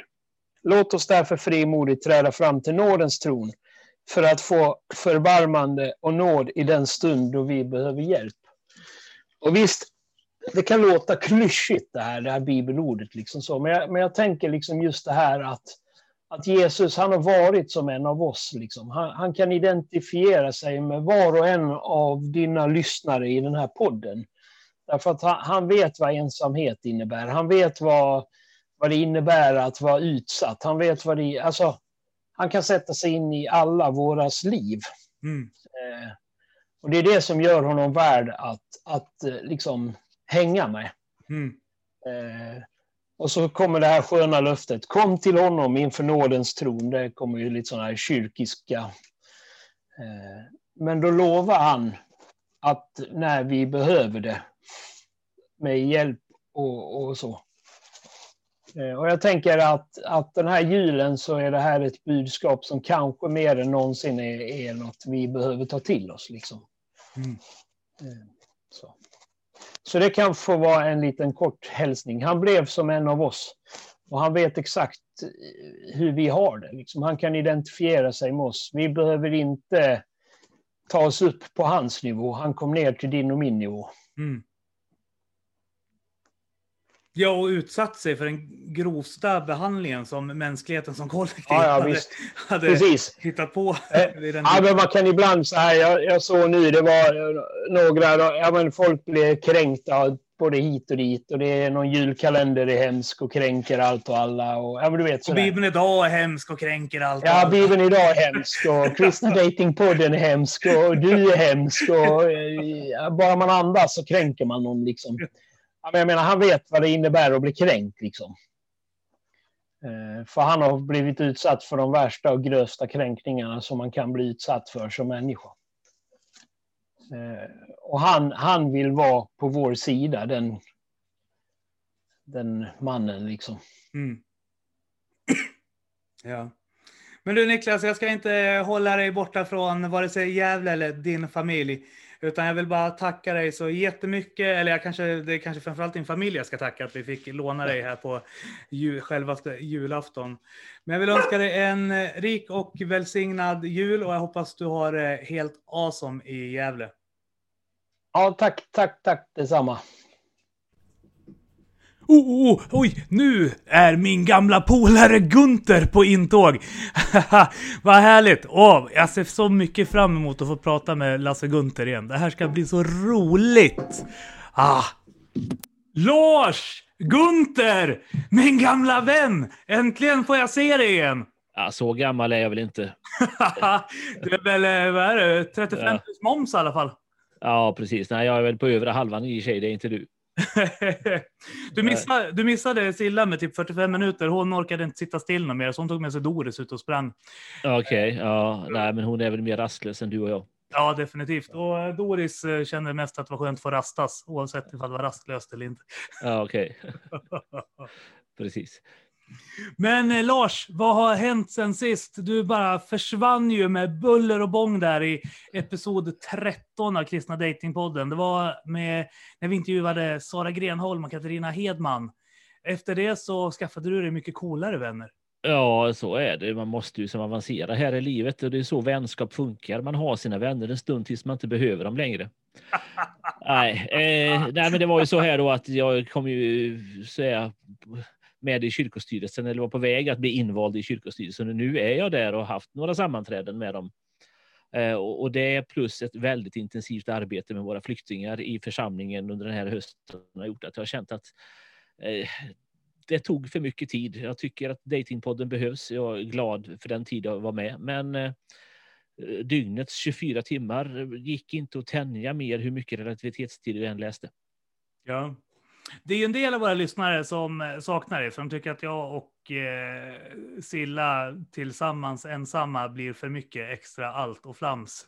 Eh, Ja, det var väl kanske så. Det var mitt uppdrag att hålla ordning på er. Det, det har jag hört också lite feedback om så. Så att eh, ja, ni får skärpa till er helt enkelt. Nej, vi, vi får hitta en ny Gunter helt enkelt sen inför Ja, precis. Jag har hört att Niklas Björklund eh, sitter och funderar över det, men han har så dåligt headset och eftersom han bor typ på andra sidan landet så kommer vi behöva köra på distans. Ja. Okej, men han funderar så pass intensivt att du kan säga det så här så tittarna hör det. ja. ja, men han Och var... tittarna, Han var, han var lyssnarna, vad säger lyssnarna, jag? Ja, ja. lyssnarna hör det. Ja, men jag la precis på med honom. Han, eh, du låg i venting, vad heter det? The waiting room, eller vad ja det kallas precis. för. Ja, ja. Eh, precis när, när jag la på med honom. Han sa att jag skulle hälsa till dig så hjärtligt. ja, tack så mycket. Hälsa tillbaka. Ja, det får jag göra sen. Han är hemma i Gävle. Det är ju en fantastisk stad på så många sätt. Har du varit i Gävle någon gång? Aldrig någonsin. Ah, då har du missat någonting. Ja. Ja.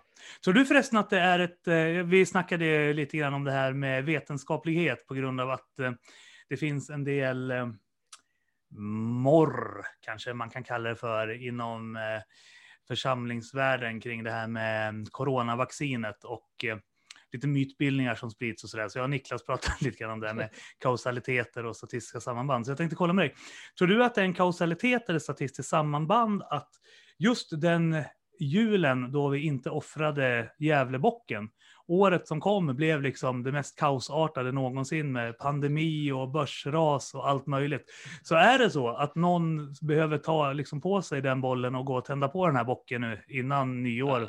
Ja, så alltså, det det är ju frågan vad som är vetenskapligt tänkande i det här fallet och det här låter kanske snarare, skulle nog de flesta säga, som magiskt tänkande och hålla det utanför vetenskapens arena. Men det finns en gammal grundregel som säger att korrelation är inte kausalitet. Att bara för att det händer någonting samtidigt som någonting annat händer så har inte det nödvändigtvis föranletts säga, av, av det första. Mm. Jag, jag ska skicka dig en länk som du får lägga ut i poddbeskrivningen. Det finns en massa underbara diagram om eh, så här eh, Nicolas Cage, hur många filmer han är med i år efter år och vad är priset på margarin i Maryland? Eller alltså hur de här sakerna går upp och ner tillsammans. De är jätteroliga. Du ska få det exemplet, eh, skickar över det sen så du får lägga med det i beskrivningen. Ja, inom teologiforskning, eh, eller vad man nu ska kalla det för, så finns det ju, eller det fanns, för den finns inte längre, för att nu är det bara tomtar som håller på med det. Men typ på 1800-talet så fanns det en skola som hette typ så här parallellisterna eller någonting, eh, som höll på och jämförde olika religiösa berättelser med varann och försökte driva bevis då att de var påhittade på grund av yttre likheter. Kommer du ihåg vad det kallades för? Uh, det du låter som att du pratar om är den religionshistoriska skolan som hade sitt centrum universitetet i Tübingen och vars främsta företrädare hette Hermann Gunkel Uh, som gjorde sig känd för då att uh, han hade jämfört skapelseberättelserna framför allt och börja och eh, säga, syndafloden och så vidare med eh, mesopotamiska och babyloniska myter som Enuma Elish och, och Gilgamesh-eposet och så menade han att Eh, den bibliska berättelsen var så att säga ett slags blekt eko eller en kopia av de förstnämnda.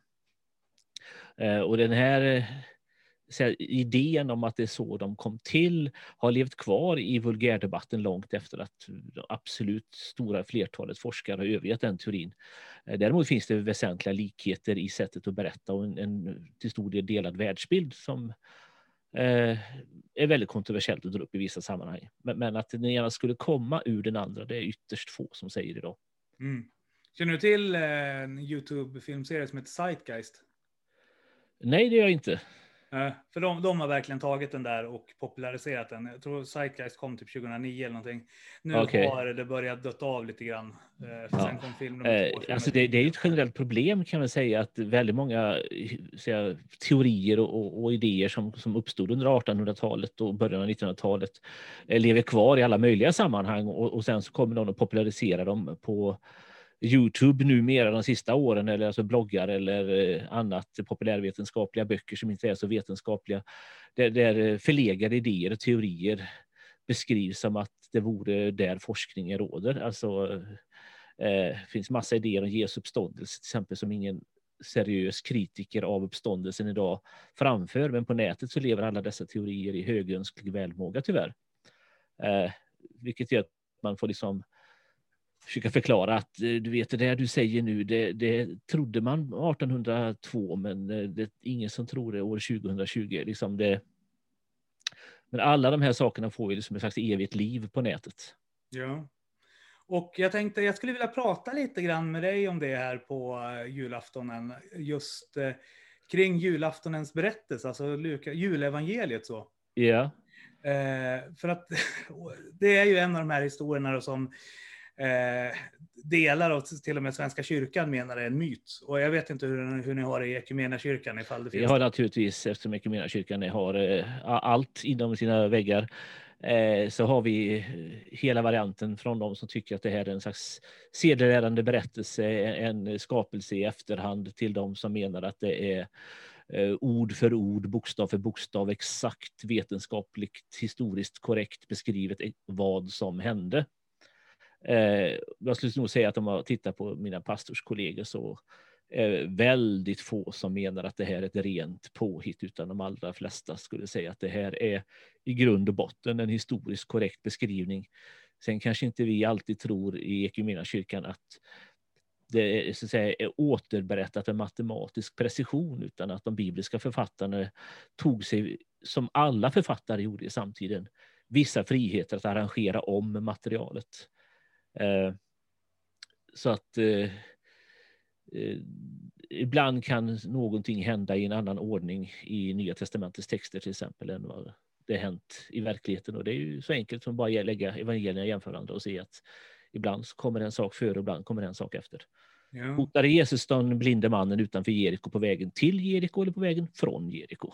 Ja. Vilket evangelium du läser. Ja. Den sortens frihet tar sig Nya testamentets författare, speciellt eller inklusive evangeliets författare. Eh, och det sågs inte som ett problem i samtiden, för det var ingen som förväntade sig att sådan precision skulle finnas i texterna. Den kom först. Nu bara jag tjatar här. Du får Nej, kör. mig, det blir jättelångt. Nej, men det är Eh. därför du är med, för att prata om Ja, julevangeliet. men alltså, det, det, det sättet, idealet att, att skriva historia med den sortens precision som vi idag tar för givet, den uppstod med, med en tysk historiker, så- naturligtvis en tysk höll jag på att säga, när det gäller precision, som hette von Ranke. Eh, och det finns ett ganska intressant avsnitt av Historiepodden eh, där eh, dessa båda säga, eh, historisk, eh, här, historielärare här är de i botten. Eh, De har gjort väldigt många fler avsnitt än Datingpodden än så länge. De går igenom von Ranke och hans betydelse för historieskrivningen. Så vill man ha en lite lättsam introduktion till von Ranke så får man göra, eh, leta reda på det avsnittet av Historiepodden. Ja. Men eh, rent pastoralt, vad skulle du säga till dem som eh, sitter och funderar över så här, ja men jungfrufödsel och så här, blev Gud verkligen människa eller menar vi att Jesus mm, vid dopet med Johannes döparen liksom blev så uppfylld av den heliga ande att han på något vis har jag, har jag en sån person framför mig så skulle jag börja med att ställa frågan, eh, säga, var, var- är det skon klämmer? Varför har du svårt att ta till dig själva idén så som den eh, är utformad i, i grund och botten då i Nya Testamentet? För det, när det gäller jungfrufödelsen så är det värt att lägga märke till att det finns ju inte en enda text som motsäger den. Alltså ibland kan man höra någon säga Paulus verkar inte känna till den, men det är vad man kallar för ett argument ur tystnaden eh, som inte håller i andra sammanhang. Eh, så att eh, Alltså, vad, är, vad är problemet? Varför har du svårt att eh, ta till dig detta? Och så får man liksom börja diskussionen där.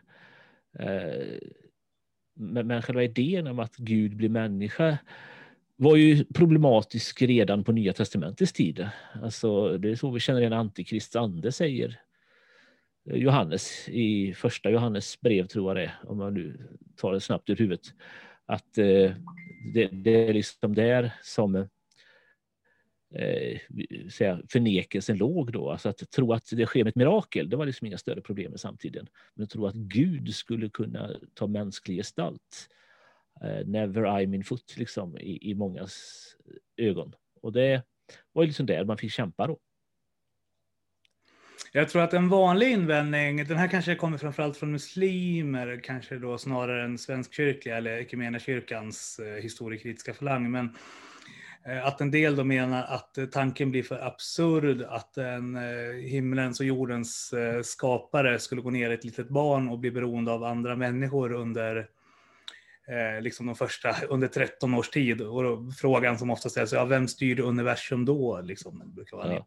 Eh, Ja, ja, ja, för helt eh, klubb, säga, jag har mött det här själv. Vi hade en, en alfakurs för ett par år sedan när vi fortfarande hade en fly- flyktingförläggning i Hästra. eh, Där ett gäng muslimer eh, deltog. Vi, hade 30-40 stycken som kom och gick.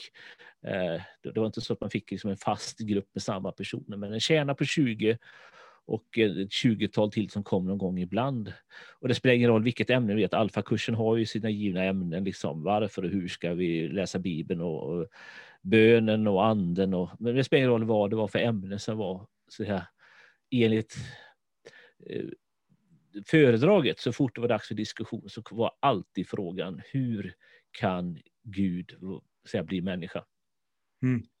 Eh, och den långa historien varför det är ett problem med dem, då får vi gå tillbaka till den muslimska filosofin som utformades under 800 och 900-talen av eh, en mängd framstående filosofer i, i det man kallar för visdomens hus i Bagdad och motsvarande säga, centrum i, i säga, det som idag är Spanien och liknande sådana ställen där man, man resonerar väldigt mycket kring säga, vad, vad är Gud, vad är Guds väsen? Och, och förlag Guds väsen på ett väldigt abstrakt plan.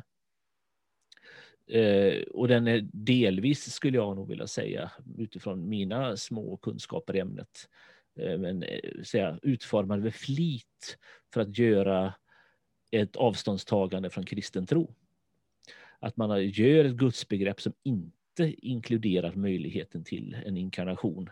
Att, att det så att säga finns ett sätt, en vilja bland de muslimska filosoferna att Eh, definiera ut islam från de judiska och kristna rötterna då. Om man, man förhåller sig till islam som en här, historisk forskare så ser man ju att det finns en utvecklingslinje inom islam. Det börjar liksom inte med att det kommer en, en koran fix och färdig eh, där alla suror är liksom nedtecknade utan det, det, är liksom en lång process där det muslimska tänkandet utvecklas under ett par hundra års tid. Mm. Eh, och det är många som säger att egentligen från början är det här en judisk eller kristen sekt som gradvis blir det vi kallar för islam idag.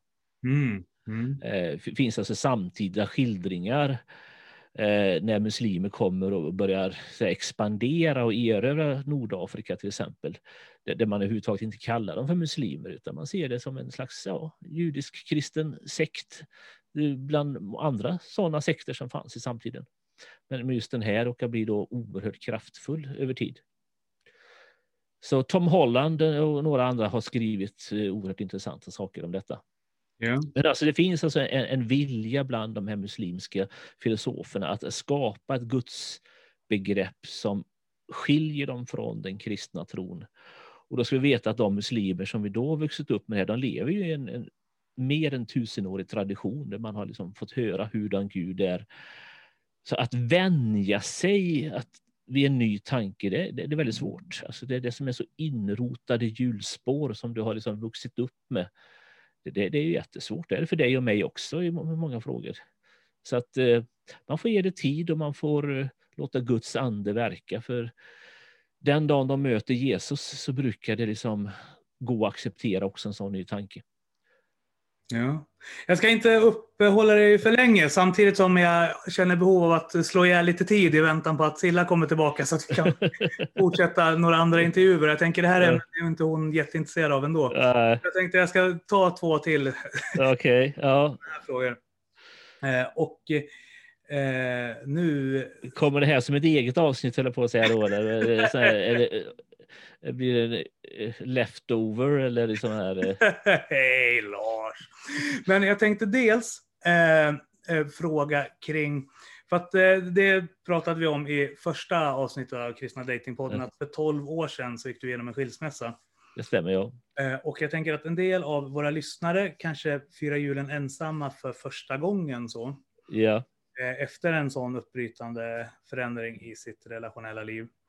Eh, så jag tänkte kolla lite grann om du har några tips och råd att ge till dem. Ja, eh, då får börja med att säga, spelar vi in nu så vi börjar den diskussionen eller? Ja, det, allt går live. Allt går live, okej. Okay. ja. Nej, men eh, bara ta väldigt, väldigt snabbt vad jag var med om då och det är ju då att eh, jag gifte mig relativt sent, får man säga, i livet. Eh, minst med frikyrkomått. Jag gifte mig som 30-åring. Så jag hade ett antal år där jag var singel eh, under säga, mitt, mitt 20-tal. Eh, eh, och jag var flickvänslös i princip hela den tiden också. Jag hade den i början av 20-talet. Och sen så var det stiltje på den fronten.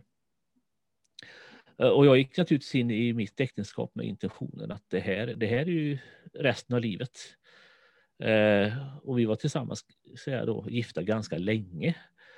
Eh, trots allt så säger det, och vi gick igenom ett par väldigt jobbiga perioder som jag trodde att nu har vi så att säga jobbat oss igenom och, och kommit varandra ganska nära. Eh, så att eh, det fanns ju inte på kartan att jag skulle bli ensam. Mm. Eh, och, och, jag brukar vara ganska försiktig med, med vilka detaljer jag ger runt det här, men, men jag har, det är ju Pernilla Gunther vi pratar om. Eh, det är inte så svårt att räkna ut för den som inte har hört det förut. Mm. Eh, men så saken var den att det var hon som valde att bryta upp och jag ville vara kvar. Och jag hade ingen vetorätt i det sammanhanget som man av naturliga skäl inte har när den ena parten faktiskt har bestämt sig. Och det kom och blev för mig en oerhörd sorg och, och smärta. Det, det, är fullständigt självklart. Som gjorde att jag... Jag brukar säga att det tron betydde för mig under det första året från det att här, Pernilla hade sagt att hon ville lämna mig och sen blev det en ganska utdragen process. Så, eh, det var alltså att, säga att jag visste att hur mycket jag än faller så faller jag inte i ett bottenlöst hål. Mm. Jag vågade falla. Jag vågade känna sorg, smärta, saknad. För jag visste att det var så att säga inte, inte någonting utan slut. Jag, jag behövde egentligen inte hålla igen. För att eh, ja, jag, jag var inte rädd för att det skulle ta makten över mig och att jag skulle bli säga, hjälplös i den smärtans... eh, Säga, utan att jag visste att Gud finns där och Gud håller i mig även om mitt liv just nu är bara är ja, skit och bedrövelse rent ut sagt. Mm. Eh, sen finns det mycket att säga liksom hur det gick till när när jag kom ur det där hålet. Men eh, första julen på egen hand. Eh, så var det, jag har två systrar och eh, min mamma eh, är kvar i livet och hon hade ganska nyligen innan dess blivit änka. Eh, och ett tag, precis efter skilsmässan, så bodde jag hos min ena syster. Eh, så jag visste inte riktigt vart jag skulle ta vägen så jag ringde henne och sa får jag flytta in till dig i några månader. Eh, men eh, jag eh, kände att hur välkommen jag än var i deras sällskap så eh, mådde jag ganska så bra faktiskt trots allt i ensamhet. Jag var över familjen en dag. Eh, och då hade jag börjat jobba i en församling och de som fanns där omkring sa men du får komma till oss, välkommen hem till oss, du är jättevälkommen. Eh, Och, och det kan låta lite konstigt men, men jag föredrog ensamheten till stor Mm. del de dagarna. Eh, för jag kände det så här att eh, är det så att säga inte eh, med Pernilla och det vanliga som det har varit de sista 15 åren eh, då blir det nästan plågsammare med, med folk runt omkring. Eh, Mm. men, men min plåga var genom tron, ska man säga, på sitt sätt ändå hanterlig, även om den var oerhört stor och stark. Mm. Eh, sen har jag sen många, många år tillbaka, långt innan jag träffade Pernilla, en, en eh, förmåga att trivas med mitt eget sällskap. Mm. Eh, jag, jag, här är vi lite olika. Alltså jag är inte en extrovert person som får energi av människor runt omkring mig. Eh, jag är tämligen... Eh, jag, jag, jag och en bok och en dator kan klara mig en vecka, höll jag på så jag bara får mat. Mhm. Eh,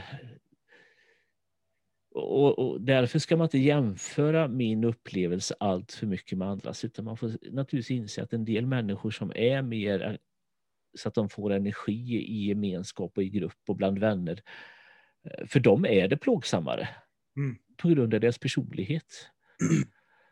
Eh, Men jag tror att grundidén om att man bör trivas med sitt eget sällskap, den tror jag gäller. Och jag tror att den är en väldigt bra grogrund också när man är i en relation.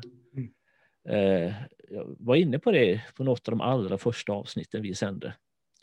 Att eh, den som trivs med livet när man är själv kommer också bli säga, mer i harmoni när man kommer i relation med någon annan. Och jag lägger inte kravet på den andra personen att eh, hon eller han ska vara den som lyfter mig ur mitt mörker och för mig till ljus. Mm. Eh, och, och när den andra personen i relationen befinner sig i sitt mörker så behöver jag inte lägga kravet på mig själv att vara eh, så att säga, messiasgestalt i den personens liv, utan jag kan acceptera att jag får bara finnas vid den personens sida, gå med, lägga armen om, stötta på olika sätt. Men jag kan inte trolla bort det jobbiga, din känsla. Och jag tror att eh, har vi den romantiska bilden som är som filmbilden av att you complete me, liksom, eh, så eh, dels blir relationer skörare och dels eh, blir man inte lika glad i dem. Men det innebär också att jag faktiskt kan vara någorlunda tillfreds med mig själv. Eh, och nu bara jag fortsätter prata här då. Det är ju som vrida på en kran ibland med mig. Att eh, är det så här att man sitter ensam den här julen och känner att det är oerhört jobbigt och svårt. Så självklart ska man ju kontakta vänner som man har eh, ett telefonsamtal, ett Zoom-möte, alltså Facetime. Eh, alltså det, det är bättre än att bara sitta still i ett hörn och tycka synd om sig själv. Alltså gör det du kan, även om det inte är det vanliga. Det, det är liksom en självklart råd att, att ge. Men, men när man känner att det inte räcker och att det blir för kort om tid och, och man har barnfamiljer och andra som, ja, de kan ju inte vara på Facetime julafton igenom, utan det blir ju liksom en liten kort, sen några korta minuter i en del fall. Mm. Eh, alltså, våga titta lite grann på den där känslan du har. Se vad som är vad. Vad är min naturliga längtan efter gemenskap som vi alla har och som vi alla saknar när den inte blir tillfredsställd. Men kan det också finnas ett moment av att jag säga, inte riktigt säga, är tillfreds i mig själv? Eh, alltså kan det finnas en, en, en poäng i att man faktiskt lär sig någonting om sig själv i den här upplevelsen? Eh, Så jag vill inte bara ge ett råd säga, hur du kan praktiskt gå tillväga eller hur du kan finna någon form av tröst och stöd, utan jag ska också säga låt det utmana dig. Låt det bli till eh, en sak som gör att du kan växa som människa. Mm. Eh, Och jag brukar alltid säga det här, alltså det viktigaste för mig som kristen det är inte vad jag gör med julen. Oavsett om det är pepparkakorna som ska finnas i tillräcklig mängd och, liksom alla de här kraven på den perfekt dekorerade julgranen eller vad det är. Eller om det är så att säga skyldigheten att fira julen till Jesu födelse så att jag har fullgjort min religiösa plikt. Utan det viktiga är med alla högtider, om vi ser hur, varför de finns. Alltså själva idén att högtider instiftas i, i Moseböckerna. Det är att högtiderna ska göra någonting med oss. Alltså vad gör julen med mig? Vad gör påsken med mig? Vad gör pingsten med mig? Att, att idén är att det ska vara ett tillfälle då livet får stanna upp och fokusera på eh, säga, någon del av, av Guds frälsningsplan som betyder någonting i mitt eget liv. Mm. Och julen är ju egentligen inte högtiden som på ett sätt handlar om, om överdådet och julbordet och sillen och allt det. Alltså julen är ju på ett sätt väldigt märklig. Vi firar den i, i överdåd och vi firar den med extravaganta presenter och allt vad det är. Men den handlar om hur Gud lämnar allt överdåd i himlen bakom sig och kommer till jorden för att födas under oerhört enkla förhållanden i utkanten av ett mäktigt rike bland ett folk som är borträknade från världspolitiska kartan sedan många århundraden. Eh, där föräldrarna är fattiga för att det vet ju de hade inte råd att offra något annat än duvor när Jesus skulle omskäras i templet Mm. som de fattiga människorna fick göra. Alltså, det är så att säga berättelsen om en Gud som väljer bort allt vad han har av härlighet för att komma oss så nära han någonsin kan. Mm. Eh, nu är det här en coronajul då det, kanske inte vi väljer bort utan det, det vi tvingas på eh, ett liv utan julens vänskap, familjerelation, som man uttrycker på samma sätt. Eh, och, och, men, men det kan ändå finnas en tanke i det här. Mm. Alltså, på något vis så hjälper det mig kanske i bästa fall att förstå alltså, vad, vad är det Jesus gör när han kommer till jorden. Eh, det, det är ja, några spontana tankar så. Eh, kanske lite svamligt för jag säger Nej, det. jag tycker... Jag tar det på uppstuds. Det här är en av de mest eh, meningsfulla intervjuer vi har gjort hittills. Vi har hållit på i några timmar nu. Okej, Jag tror du är Ja. gäst 20 på listan som vi... okej. Ja, ja. Och som sagt, det är, till att klippa ihop det sen, ja, man får ta in en gammal programledare i Kristna Datingpodden. Då vet man att det levereras kvalitet. Ja, Men du Lars, två snabba frågor här på slutet då. ja, Vilken är din favoritjulsång? Eller tre snabba frågor här på slutet. ja. Vilken är din favoritjulsång? Vilken är din favoriträtt på julbordet? Och vad önskar du dig i julklapp i år? Åh. Eh, vi, vi tar vet du, ja, julsången. Mm. Eh, och, då är frågan, nu nu får du klippa ihop det här lite grann i efterhand kanske, men, men eh, om- om- får jag göra så här? Nej, jag kan inte dela min skärm med dig. Kan du göra så jag får dela skärm? Så ska vi se. Eh, Alltså Lars, tyvärr kan vi inte klippa så mycket för det här går i princip live. Allting spelas in ungefär mellan Ja. en kvart och en timme innan att Ja, ja, men, men jag, jag, jag youtubar snabbt här, va? så att jag spelar upp lite grann i bakgrunden. Så här kommer Meekness and Majesty av Graham Kendrick och det är egentligen inte skrivet som en julsång. Med, liksom, julen nämns inte. Meekness and majesty, manhood and deity, in perfect harmony, the man who is God, Lord of eternity, dwells in humanity, kneels in humility, and washes our feet. Där har vi den första versen. Mm. Eh, den finns i översättning till svenska som är gjord av ingen mindre än Magnus Malm. Och, Magnus Malm använder ofta den när han inleder sina bibelstudier. Eh, alltså meekness and majesty, alltså saktmod i den gamla översättningen, men ödmjukhet och majestät, mänsklighet och gudomlighet. Eh, alltså allt detta förenas i Jesus i perfekt harmoni. Evighetens Herre bor i mänskligheten, böjer sig ner i ödmjukhet och tvättar våra fötter. Eh, och så fortsätter den vers efter vers. Graham Kendrick skrev lovsångstexter med många verser när alla andra på 80 och 90-talen skrev fyra ord som man upprepar i all oändlighet, lite överdrivet. Eh, och, och han är en av mina absoluta favoritlovsångsförfattare i alla kategorier och den här lyssnar jag på alltid när det drar sig mot jul. Mm. Så inte, skicka mig länken sen på Messenger så lägger jag upp den som länk. jag, jag gör så, så att säga. Den, eh, sen var det julmat. Ja, Ja, och det är sillsallad. sillsallad. Ja, utan tvekan. Eh, Den gjorde jag alltid ihop med mormor när jag var liten. Det var liksom mitt jobb. Att jag, hon bodde en kilometer lä- längre ut. Jag är född på landet. Mhm. Eh, Så jag gick från våran gård till deras. eh, Då bodde inte de på en gård längre, men jag var så pass gammal.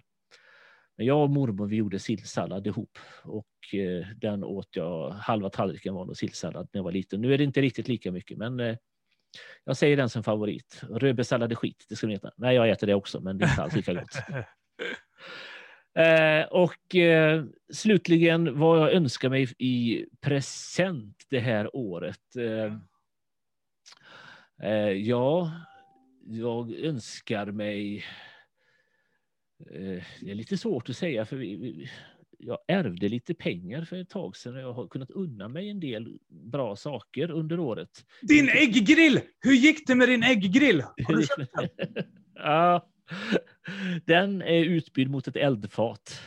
Ett eldfat? Du skulle ju köpa en ägggrill. Jag skulle köpa en ägggrill, ja. En, eh, eh, växthuset blev dyrare än väntat. Det, det gick väldigt mycket pengar mer i växthuset än vi trodde från början. Nu blir Niklas Björklund besviken. Han och jag Ja. hade planerat att åka ner och hälsa på dig. Ja, den, den, den, är inte utesluten för framtiden, men eh, den har inte blivit av under året, ska jag säga. Ah. Eh, Men, men några saker har det ändå blivit och, och det sista det här var en eh, jag tänkte ju att i år ska jag ha lampor som tänds och släcks med, med timer som är styrs via datorn och allt det där. Va? Mm. Eh, Men eh, det funkar inte som det ska. Eh, Så att ett fungerande hemautomatiseringssystem trodde att jag skulle kunna ha eftersom jag är IT-nörd, men det sket sig. Jag köpte defekta produkter. Så, ja, men det var tänkt att det skulle vara julklappen till mig själv. Du, lå- du låter nästan som mig. Alltså, jag är också den som gillar en massa så här hemteknik och prylar och grillar och spavar. Ja, ja jag, jag är väl... det, prylar är en eh, helgelsepunkt att bearbeta ytterligare, är jag rädd för. ja, vi får göra det tillsammans. Vi får gå Ja. bikt hos P.O. Byrskog eller någonting tillsammans. Ja, precis. Joel Halldorf har säkert Joel Halldorf. jätteviktigt att lära oss om det här. Ja. Ja, Ja, vi får se ifall han dyker upp lite senare här under sändningen. Det, en del Ja. är lite så här, vi vet inte än. Kommer de nej, okej. Ja, Så jag ska fråga, jag ska ta upp det här med ditt och mitt prylbehov med honom i så fall. okej. Ja. Yes. Men Lars, det var fantastiskt att få hänga med dig igen. Ja, kul att ses. Det var lite tag sedan, även om det är via Zoom som vi ser varandra. Men ni andra hör ju bara våra underbara vackra stämmor. Ja. Och jag Ja. måste säga att alla borde skaffa en sån mikrofon som Lars Gunther har. För att det där ljudet är helt fantastiskt. Det är liksom så... Okej, ser, om jag höjer upp den lite så här, då när du har sagt det och så får vi liksom göra en sådär nu printscreenar jag dig och mig. Ja, det får du göra. Save as.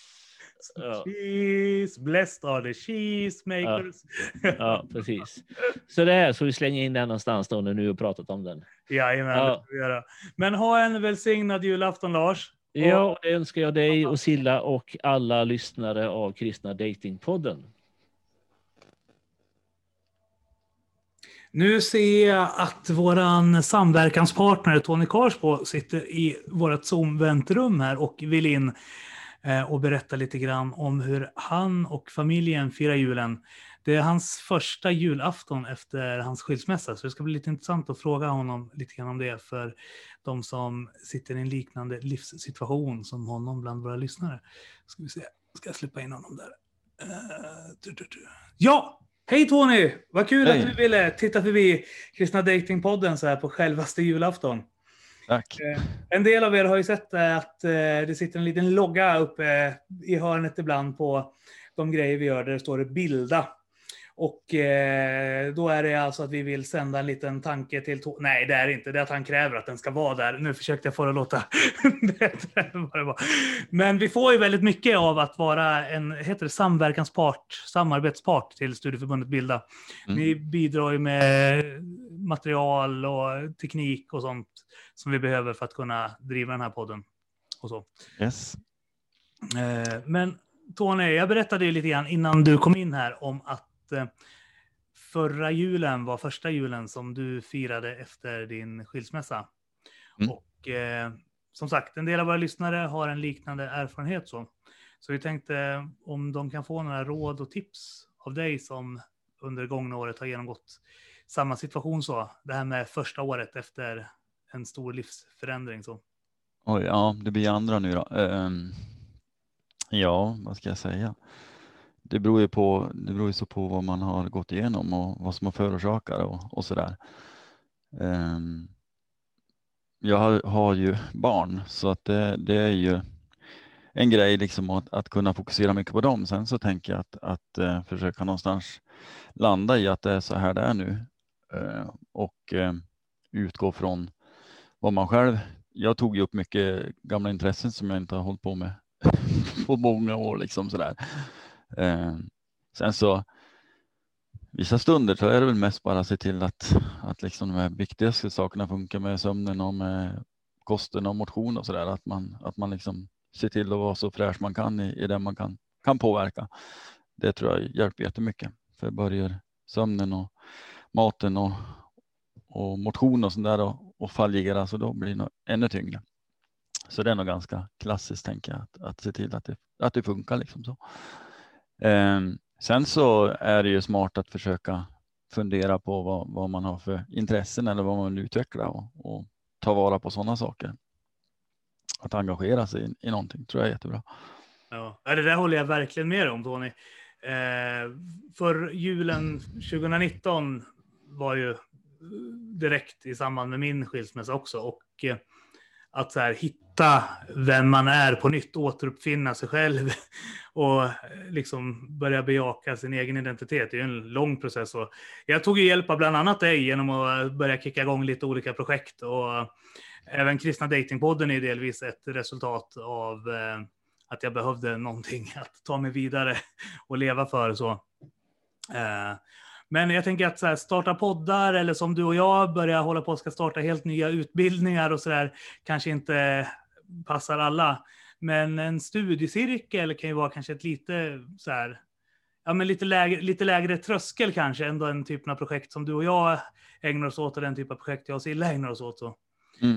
Eh, Så du jobbar ju på ett studieförbund så, så jag tänker att du har säkert massa schyssta tips på så här, vilka var de populäraste studiecirklarna under 2020? Om vi börjar där. Eh, du är ingen statistiknörd och eh, alltså vi, har, vi har ju så brett utbud så det, det är väldigt svårt att säga för vi samverkar ju mest med, eller mest, men mycket, åtminstone det jag jobbar med är det med, med frikyrkorna eller kyrkorna, och även katolska ortodoxa kyrkan. Eh, och där är det mycket liksom som, som rullar på, även om det här året har sett väldigt annorlunda ut så, så finns det ju väldigt mycket liksom som, som är inom våra medlemsorganisationer och samverkansparter. Så, och, och mycket så handlar det ju för mig också att, att hjälpa att, att församlingar ställa upp, ställa om och, och hitta nya vägar att nå ut och, och hitta, eh, ja men så att, att människor kan få komma och ta del av, av det. Och speciellt nu när, när många sitter ensamma liksom så, där, så, så är det mycket som försöker ställas om och flytta över och bli digitalt. Och där finns det ju mycket att, att välja på. Eh, antingen om man är en grupp eller om man är helt eh, själv så liksom kan man komma in och så kan man möta upp och träffa människor från hela Sverige. Liksom. Så det är ju det är en utmaning i sig och, och intressant och spännande. Man kan få nya vänner och verkligen göra nya upptäckter och så där. Så att det, det vill jag tipsa om. Så eh, gå in på vår hemsida bilda.nu så finns det massa olika tips och tricks. Men eh, det finns någonting som vi har startat upp som heter Cirkelsnack eh, om digitala samtalscirklar. Och där har vi gjort eh, att man tittar på olika teman med olika gäster som är lite frikyrkokändisar, en del är väl kändisar ändå, så där, som, som lägger upp ett tema eller en bok och sen så kan man koppla upp sig med andra och samtala om det. Liksom. Eh, Så det kan jag tipsa om. Jag vet inte om jag ska droppa någon namn eller om jag Ja, men ska... Josefin Arrhenius, hon var ju och gästade oss här tidigare på förmiddagen. Eller, ja. Ja, just det. Exakt, hon finns med. Hon hade väl en, eh, en sån här studiecirkel? Mm. Hon har om generationernas möjlighet och utmaningar i församling. Ja. Sen Niklas Öjebrant, han kommer att gästa oss sen eh, i början på nästa år och prata lite grann om Paulus och sexualetik. Han vet jag också hade en studiecirkel hos er. Ja, eh, han är inte med i det här, men jag vet att han har haft det i, eller som han är tillsammans med någon kanske. Eh, han står inte med på, på rubrikerna som jag har framför mig på hemsidan, men, men jag vet att han har varit med i, i någon konstellation hos oss också. Ja. Andra Glory studiecirklar, jag vet ni har haft det med Åsa Molin, min gamla basgruppslärare från ALT. Mm, Såg att Joel Halldorf hade en om sin bok återkomsten också. Eh, precis. Gudjakten är det. Ja, jakten. Ja. Ja. Eh, Eh. har du några sådana karameller här inför? ja, men Birger Turesson, Karameller. Birger Turesson har ju två stycken. Eh, Daniel Wiklund, Olof Edsinger, Karl Olofsson, Robert Eriksson och Niklas Källner har vi faktiskt med. Ja. Så där finns det ett, ett gäng och, och där är det så också att, att där kan man ju antingen om man har en hemgrupp eller något sånt där kan man ju köra det med hela gruppen eller om man är bara en eller två stycken som vill göra det eller helt själv. Eh, och när det då blir en grupp så då, då startas den igång så att säga. Mhm. Så det finns. Sen har ju du ett, du och jag har ju ett helt awesome glorious eh, digitalt projekt på gång som vi inte får droppa så mycket detaljer om än på grund av att det involverar en massa andra organisationer. Men ifall vi får det att gå i lås så kommer det bli den bästa digitala studiecirkeln som Bilda, Studieförbundet Bilda Mitt någonsin, ja, inte bara Studieförbundet Bilda, som ABF Vuxenskolan, Medborgarnas utbildningsförbund någonsin har sett när P.O. och Tony väl droppar bomben någon gång under 2021. Du kan det här med att snacka upp saker i alla fall. Ja, nej, men, men det ska bli jätteintressant och spännande. Ja. Vi har några sådana saker på gång eh, generellt, både i vår region och i landet med saker som, som kommer liksom längre fram också. Och, och sen så, eh, om man tänker just på det här med, med ensamhet och så, så har vi gjort faktiskt tillsammans med UR, eh, så har vi gjort något som heter livssyn och livsmod Eh, som finns på UR Play.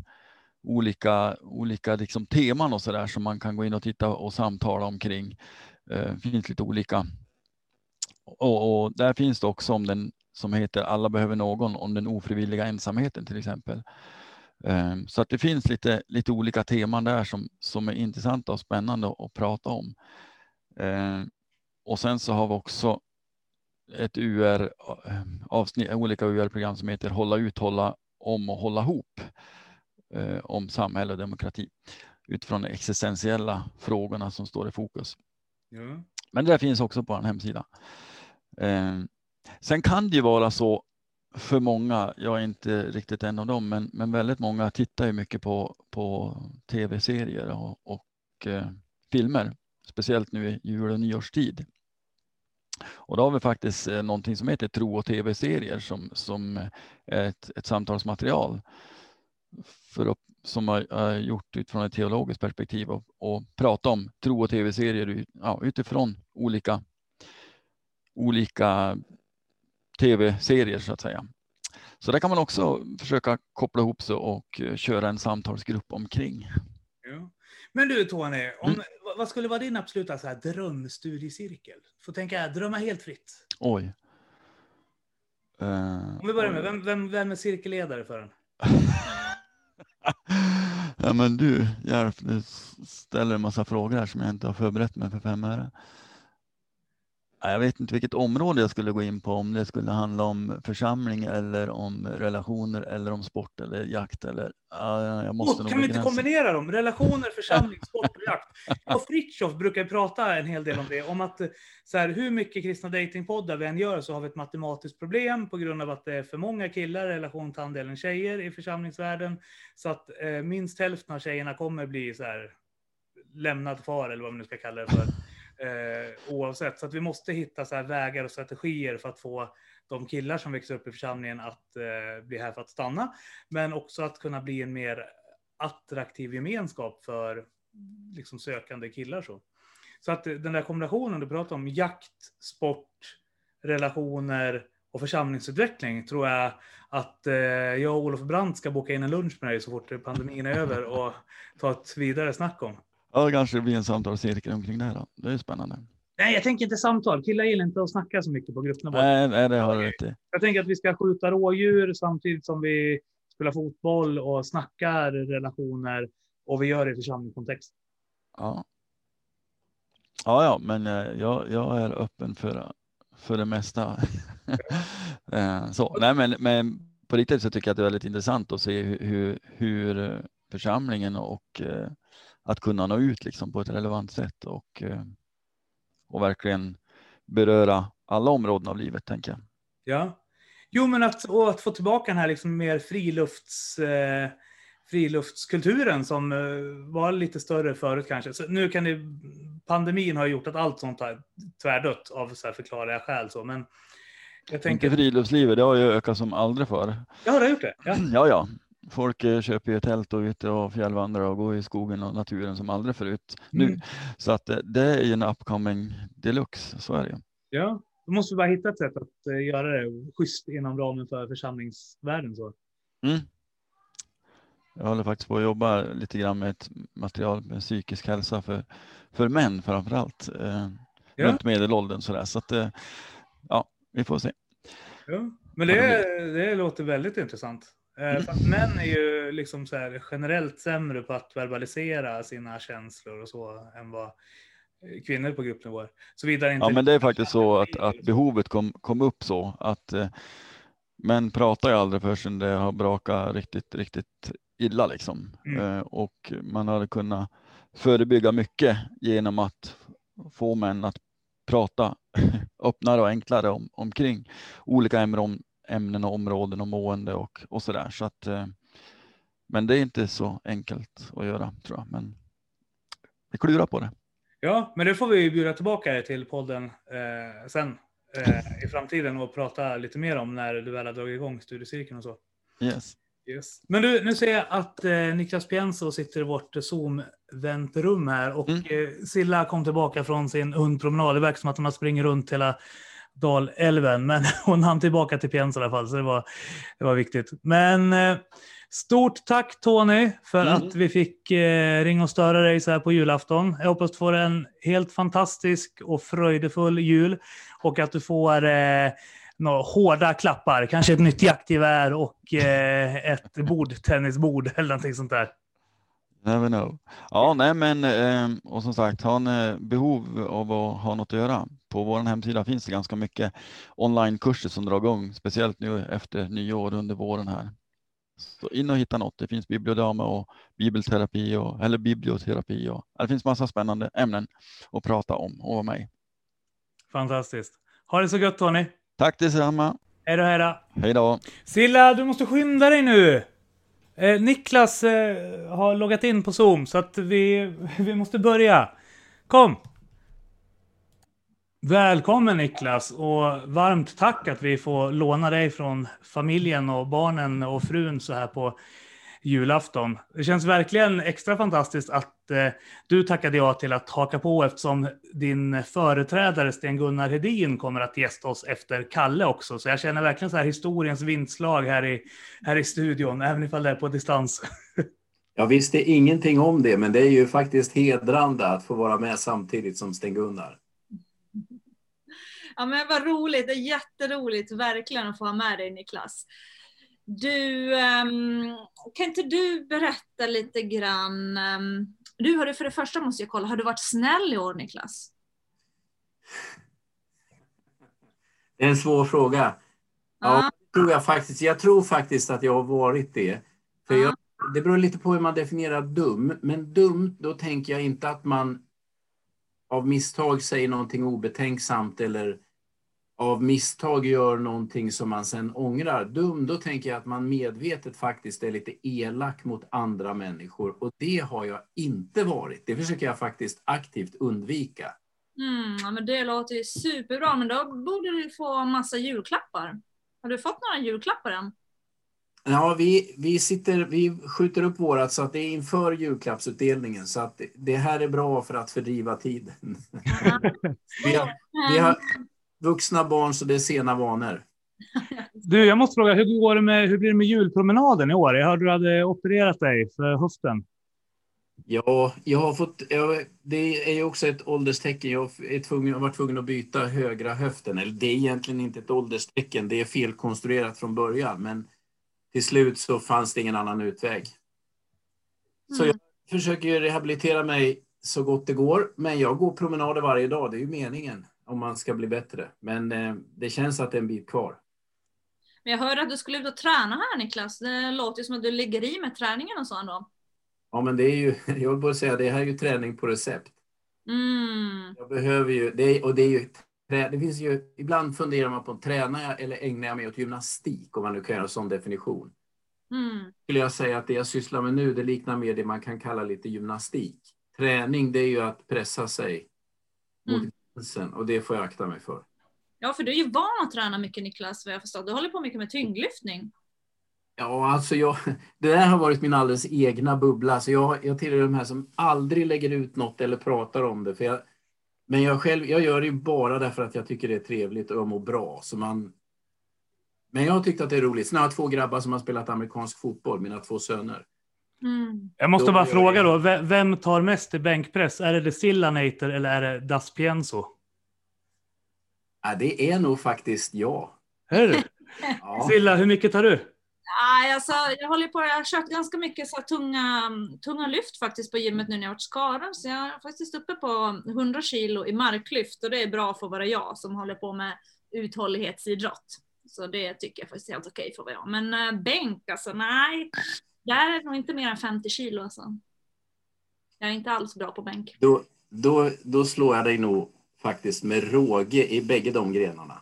Ja, det tror jag säkert du gör. Nej, jag, jag är uthållighetsidrottare så att ehm, jag är inte särskilt stark, jag är mer uthållig. Jag har en guldmedalj i att vara soffpotatis. Var delas den ut? Ja, hård i, i, O- i OLV-hyllan på Willys. Ja. Ja. Har man väl önskat dig julklapp då Niklas? Vad står på din önskelista? Något speciellt i år? Nej, egentligen ingenting speciellt. Jag, alltså julklappar är ju verkligen... Ibland är det roligt när man verkligen hittar något, men jag inser att det är också ett tecken på hur vi lever, att man faktiskt har allt man behöver och lite till. Så Mm. egentligen är det roligaste, det är ju att göra julbordet ihop med min, eh, med min eh, son och hans tjej. De är otroligt matintresserade. Mm. Och så äta ihop och så tillbringa hela den här dagen ihop. Vi har faktiskt tillbringat dagen igår ihop också. Wow. Så det, men det är sånt som är sånt förgyller livet. Det är den bästa julklappen egentligen. Mm, ja, det förstår jag verkligen. Ställa, eller ja, Silla ta först. Ja, nej, men jag tänkte bara gå in på det här. Det är en speciell jul i år. Okej, men jag tänkte ställa några frågor om julen eh, nu när vi har liksom en av eh, Sveriges bästa förkunnare som gäst. Så jag tänkte försöka stjäla en liten mikroförkunnelse av honom innan vi går in på den emotionella aspekten av julen. Vi, vi testar. Eh, jag tänker att för många som inte är uppväxta i kristen miljö så kan det vara jättesvårt att förklara det här med varför vi tror på en gud som behövde bli människa och vad det innebar. Eh, och så här, hur, hur tänker vi kring det? Så här, var Gud Gud fortfarande då? Eller blev han människa under 30 år? Och vem skötte universum samtidigt? Och kan Gud verkligen vara en bebis som är beroende av sin omgivning under liksom, de första 12-13 åren av sitt liv? Alltså, hur, hur tänker vi kring det? Ja, men då tänker du att jag ska förklara det här på två minuter. Då kan jag bara säga att det var den här typen av frågor som man ägnade sig åt de 700 första åren i kyrkans historia. Att bringa reda i de här tankarna. Nej, men jag tror, om man läser evangelierna, om man läser Matteus, Markus och Lukas i alla fall, så kommer man något på spåren. För det är helt uppenbart att lärjungarna, de tror att de slår följe med en, eh, med en vishetslärare. Man kallar honom rabbi, lärare. Och så är han ju mirakelmakare av rang. Han gör grejer som ingen annan gör. Så det, det är rätt tydligt att lärjungarna har en uppfattning att Jesus är en väldigt speciell, karismatisk, men vanlig mänsklig predikant. Men sen vandrar de med honom och i mitten på både Matteus, Markus och Lukas, då är det som om någonting vänder. Och alla evangelierna, alla de tre berättar att den där stora vändningen, den kommer när Jesus frågar lärjungarna, okej, okay, vem säger människorna att jag är? Och då säger de att nej, men det är Elia eller det är, det är Johannes döparen som har kommit tillbaka. Och så frågar han, och ni då, vem säger ni att jag är? Då tar Petrus sats och så säger han, men du är Messias, den levande Gudens son. Och då säger Jesus, salig är du Simon, Petrus Barjona, till ingen av kött och blod har uppenbarat detta för dig, utan min himmelske far. Så jag skulle säga att det lärjungarna upptäcker steg för steg, det är någon sorts tvåenighet, inte treenigheten, utan tvåenigheten. De kommer helt enkelt genom den, genom den praktiska erfarenheten fram till att det enda alternativet att beskriva Jesus är att han är Gud. Men i begränsat format. Alltså han är inte Gud i full skala. Han är Gud mm, och samtidigt i någon mening begränsad. Så Jesus ber ju till Gud, talar om Gud med sina lärjungar, så det är helt klart för dem. Och samtidigt som de vet att Gud finns i himmelen, så har de inga andra ord när det verkligen gäller än att säga att det enda vi kan, det enda vi kan tänka är att Jesus är Gud. Och sen då så kommer, så kommer påsken med hela, den, hela det traumat där Jesus dör och uppstår. Man möter honom igen och sen lämnar han dem. Och så sitter de där igen och tänker, nu är det minnen vi får leva med. Och så kommer den helige ande. Och då tror jag den sista pusselbiten faller på plats, för plötsligt inser man, Gud är hos oss, men Jesus sitter på Faderns högra sida. Gud i himlen har tagit hem sin son och ändå upplever vi hans närhet. Så treenigheten, det här är min poäng, det är ingen skrivbordsprodukt från någon sån här teoretiker som har kläckt en avancerad ekvation, utan det är egentligen erfarenheten. Och ibland när jag talar med muslimer som ju driver stenhårt den här monoteismen, så, så inser jag att om man frågar en muslim, men är Mohammed, är det skillnad på, eller är det skillnad på Allah och hans ord? Då säger de absolut inte. Allah och hans ord är ett. Ja, men då kan alltså ordet leva vid sidan av Allah och ändå vara samma sak.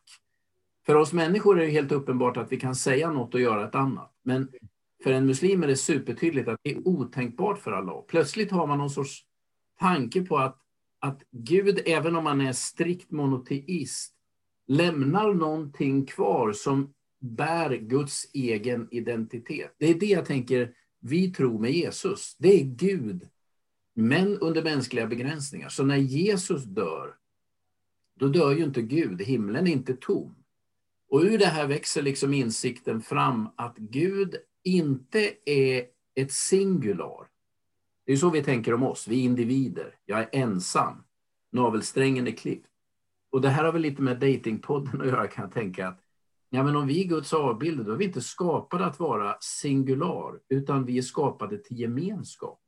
Det är ju inte alltid nödvändigtvis ett äktenskap, men, men om Gud till sitt innersta väsen är Fader, Son och Helige Ande i en helt obruten, okomplicerad gemenskap, så är vi avbildade, vi, vi återspeglar detta. Så jag, och då, då är de här inte tre, de är samma väsen men olika personer, så brukar vi säga. Men jag, jag, tror att det, här, det är ju det här som gör att vi också kan tala om att vi, vi säger att vi har mött Jesus. Nej, men strikt teologiskt har du inte gjort det, men genom den heliga ande har du upplevt Jesu närvaro. Eller så säger vi, vi har hört Guds röst. Nej, men genom den heliga ande har du hört Gud tala, för Fadern, Sonen och Anden är i enhet och det Fadern gör gör Sonen och Anden och så vidare. Det där var ju en lång predikan om ett stort ämne och som lämnar rätt mycket frågor kvar. Men det blir inte mer än så just nu. Men jag tyckte det var väldigt bra. Framförallt två saker tog jag fasta på. Den ena, Silla, du brukar ju oftast säga det här. Men alltså Pio, jag är verkligen inte skapt för att leva ensam. Eh, och jag tänker att eh, Niklas gav ju en teologisk förklaring till den känslan. Eh, och jag, jag känner ju likadant så, liksom att så att det, det, på något vis det känns lite trösterikt att så här, ja, men det är för att Gud har skapat oss så. liksom. Ja. Har verkligen skapat oss till att leva i gemenskap med varandra och där tror jag alla liksom upplever mer eller mindre genom olika faser i livet. Så.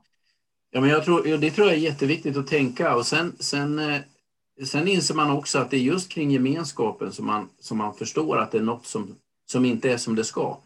För det vi längtar efter mest i världen är ju det som också sårar oss djupast.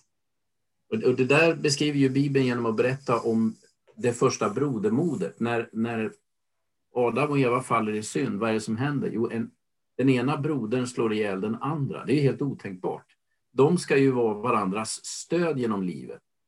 Men det är precis där det går sönder. Och det är väl därför vi, vi både känner en sån djup längtan efter goda relationer och samtidigt en sån djup smärta därför att det ibland inte funkar. Mm. Det är egentligen hela den stora bibliska berättelsen.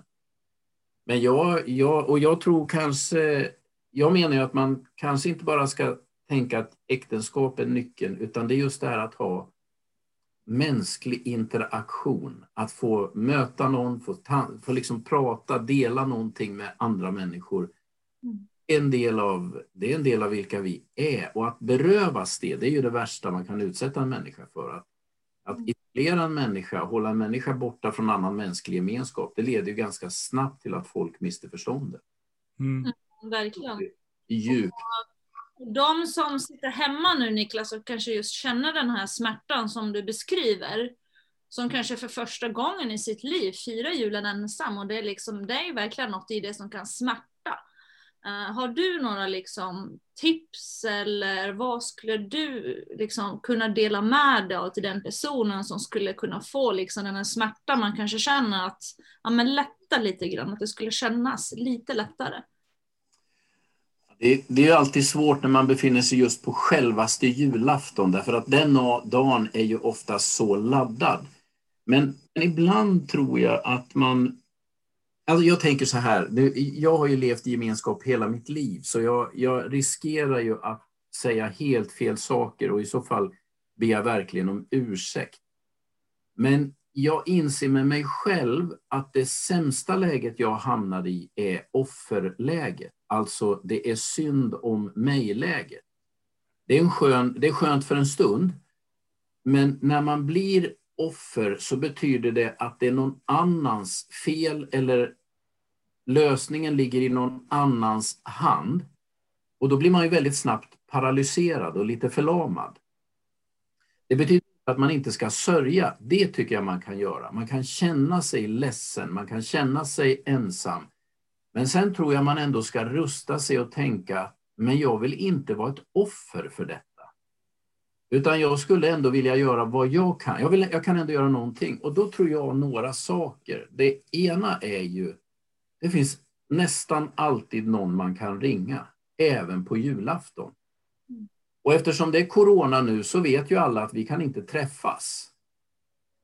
Och, det kan jag ibland tycka nästan är bättre, för då, då behöver ingen sitta och tänka, åh hjälp, du är ensam, nu måste jag bjuda hit dig.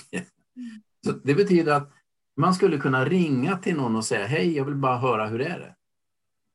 Så speciellt. Och jag tror också att man kan säga till människor, åtminstone när man har lärt känna varandra lite grann, jag känner mig ensam idag. Det är därför, och jag tror att det är så många människor som, eh, som skulle ta emot det som ett förtroende. Inte som en sorts självförnedring. Åh, ska jag ringa och säga att jag är ensam? Nej, jag, tycker man kan, jag tycker man kan dela det, inte med vem som helst, inte hur som helst. Men det, kan man, det tror jag man kan göra, bara att dela smärtan och få, och få prata med någon en liten stund, också på julafton. Vem kan ringa? Och prata lite med en liten stund. Och blir det läge så kan jag säga, jag tycker det här är jättejobbigt. Jag känner mig ensam. Mm. Och bara att få dela det med en annan människa, det är ju att dela ett förtroende. Det är ju att släppa ifrån sig sånt här känsligt material. Men min erfarenhet är ju också att det är just när vi börjar släppa de här lite känsliga delarna som vi också skapar en mer tät relation. Det vill säga när jag visar lite sårbarhet, lite sår... Jag behöver inte berätta allt, jag behöver inte ta hela utrymmet. Jag kan bara släppa en liten pusselbit och så får jag se vad händer. Då bygger det något hos den andra. Sen är mitt andra råd, fråga hur de andra mår. Mm. Och lyssna intresserat. Alltså du, du kan dela vad du själv bär, men bli inte den som tar hela samtalet. Låt inte hela samtalet handla om ditt mående och att du är ensam och att det är förfärligt. För då är risken att de andra plötsligt tänker, ah, jag måste alltid tycka synd om den här personen, jag behöver alltid peppa den här personen. Mm. Jag måste alltid ge något till den här människan. Utan jag tycker du ska också fråga, hur mår ni? Hur har ni det? Hur är det med dina barn? Hur mår dina föräldrar? Alltså ställ aktiva frågor för att få något tillbaka från den andra människan. Så mitt tips det är egentligen två delar. Ett, dela med dig av det som är lite smärtsamt i ditt liv. Inte allt, inte, inte, låt det inte cirkulera bara kring dig, men du kan dela med dig något som gör ont. Andra människor förstår. Ta emot den tröst du får. Nummer två, jätteviktigt. Se till att du sen ställer aktiva, tydliga frågor om de andra, hur de mår, hur det är, hur det har varit på jobbet. Vet du att det har varit något besvärligt? Fråga efter det också. Och eftersom jag vet när man har känt sig ensam länge och man får prata med någon, att man lätt fyller ut tiden med sig själv, så sa jag, här kommer mitt praktiska råd. Sätt en liten klocka eh, och så håll koll på hur länge du har pratat om dig själv. Det inte gå för lång tid kring just dig och hur du mår, utan och även om du tycker att ah, men jag har inte förklarat allt än. Nej, det behöver du inte. Utan bryt lite grann och så ställ en motfråga. Få den andra personen att dela lite av sitt. För då kommer de känna också, att men det var lite roligt, jag fick berätta om mig och mitt. Så jätteenkla råd. Men jag menar att man, man behöver bestämma sig för att jag sträcker mig ut nu. Jag ringer till någon. Eh, jag ringer till någon släkting, jag ringer till någon annan. Jag väntar inte på att de ska ringa mig. Och framförallt ska man stänga den där dörren som är så farlig. Nämligen när man sitter och funderar på varför hör ingen av sig till mig? För då börjar spökena dyka upp i huvudet. Och då, då man börjar tänka, men det beror på att alla tycker jag är jobbig. Och så kommer skuggorna över en och så tänker man, "Nej, men det är ju egentligen för att det är på något sätt fel på mig. Det måste ju vara så, det är därför jag är ensam. Stäng alla sådana dörrar. De är helt meningslösa, de är totalt spekulativa och de är nästan alltid ondskefulla för oss. Och då brukar jag tänka, det där är inte Guds röst. Vad, vad Gud säger in i ditt liv, det är du är mitt älskade barn. Jag tycker du är fantastisk. När Gud skapar världen tittar han på den och säger, det här blev ju riktigt bra. De röster vi börjar höra när vi går in i den här mörka dalen, det är ju att nej, jag är rätt värdelös, jag duger inte, det är ingen som vill ha mig. Om man efter någon sorts bibelord som beskriver vad den rösten kommer ifrån så är det inte från Gud, snarare motståndarsidan. Och det är bara spekulationer, för vi vet inte. Om någon någon gång har sagt något så är inte det sanningen om oss. Det är det Gud säger om oss som är sanningen. Den håller man fast vid. Så jag tänker vissa dörrar ska man bara försöka gång på gång stänga. Jag vet själv hur lockande det är att gå in där. Mm. Av, på helt andra områden. Men- Jag har... Ja, förlåt. Nu, är, nu har jag pratat väldigt mycket. Nej då, vi är bara glada över att eh, vi får låna dig så här på julafton. Men jag har en sista fråga innan Silla ska få eh, tacka av dig och avrunda intervjun. Eh, en kritik som har dykt upp på forumen för kristendate.se som vi samarbetar med, det är att även ifall jag och Silla och Tess och Fritjof sitter och tar in många råd och pratar mycket om ensamhet, Eh, så menar de att eh, vi har ingen aning om vad ensamhet är och därför blir det förmätet. För att oavsett eh, hur våra livssituationer ser ut på julafton eller på andra dagar så har vi varandra och vi har 5000 Facebookvänner. Så därför förstår inte vi alls den ensamheten som finns hos en del av användarna på kristna, vad heter den, kristendate.se. För att de menar att deras ensamhet är total, medan våran är självvald och temporär och inte, ja, det är en fake-ensamhet. Så. Eh, och, ursäkta. Och eh, det, som- det jag funderade på då, det var, eh, kan man ge dem något tips eller råd om olika sätt att be? Alltså så här, att bönelivet, för att det, de kommer inte kunna liksom så här skaffa kompisar här på julaftons eftermiddagen, så, framförallt inte i dessa pandemitider där kyrkan inte bedriver någon diakonal verksamhet nu på grund av restriktionerna och så här. Men finns det någonting i bönelivet som vi kan skicka med till de KD-användarna som känner så här? Ja, men det är precis det här som jag egentligen försökte be om ursäkt för därför att jag inser att jag själv inte kan leva mig in i den situation som jag vet att en del människor finns i. Jag kan möjligen fantisera men och, och att leva i den här ofrivilliga ensamheten år efter år. Nej, jag kan bara jag kan, inte, jag kan inte föreställa mig hur smärtsamt och svårt det är. Det är klart, det går inte att göra någonting på julafton. Däremot så skulle man väl... Dels tänker jag så här, det jag just sa. Försök lyssna in Guds röst. Och då ska du, om, om du tror att jag är en andlig auktoritet så ska du lita på det jag säger nu. Gud talar gott in i ditt liv. Jag tänker på när Petrus, det här jag sa innan, när Petrus säger du, åh, eh, du, är, Jesus, du är Messias, den levande Gudens son. Då säger ju Petrus, eh, då säger Jesus till Petrus, och du är Petrus, klippan, och på den klippan ska jag bygga min kyrka. Men alla vi som har läst evangeliet, vi vet att nej, Petrus var sannerligen ingen klippa. Och det var, alltså i skarpt läge höll han inte. Visste inte Jesus det? Svar jo.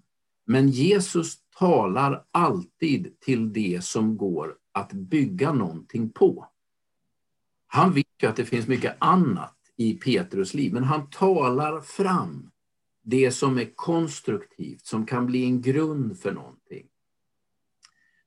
Och likadant när, Jesus, när den uppstående Jesus kommer till lärjungarna efter det att Judas har förnekat, eller förrått, Petrus har förnekat och alla har stuckit. Och så står det att på den första dagen i veckan så att de samlade så kommer Jesus genom väggen. Och vad säger han till dem? Två saker. Ett, frid åt er alla. Två, ta emot helig ande. Jag tänker, hade jag kommit i det läget så hade jag ju bara sagt, vad är ni för, vad är, vad är ni för några lärjungar? Här har jag spenderat tre år med er. Ni fattar ingenting, sviker mig direkt. Jag får börja om från början. Ni håller inte måttet. Det finns inte ett ord av det från Jesus.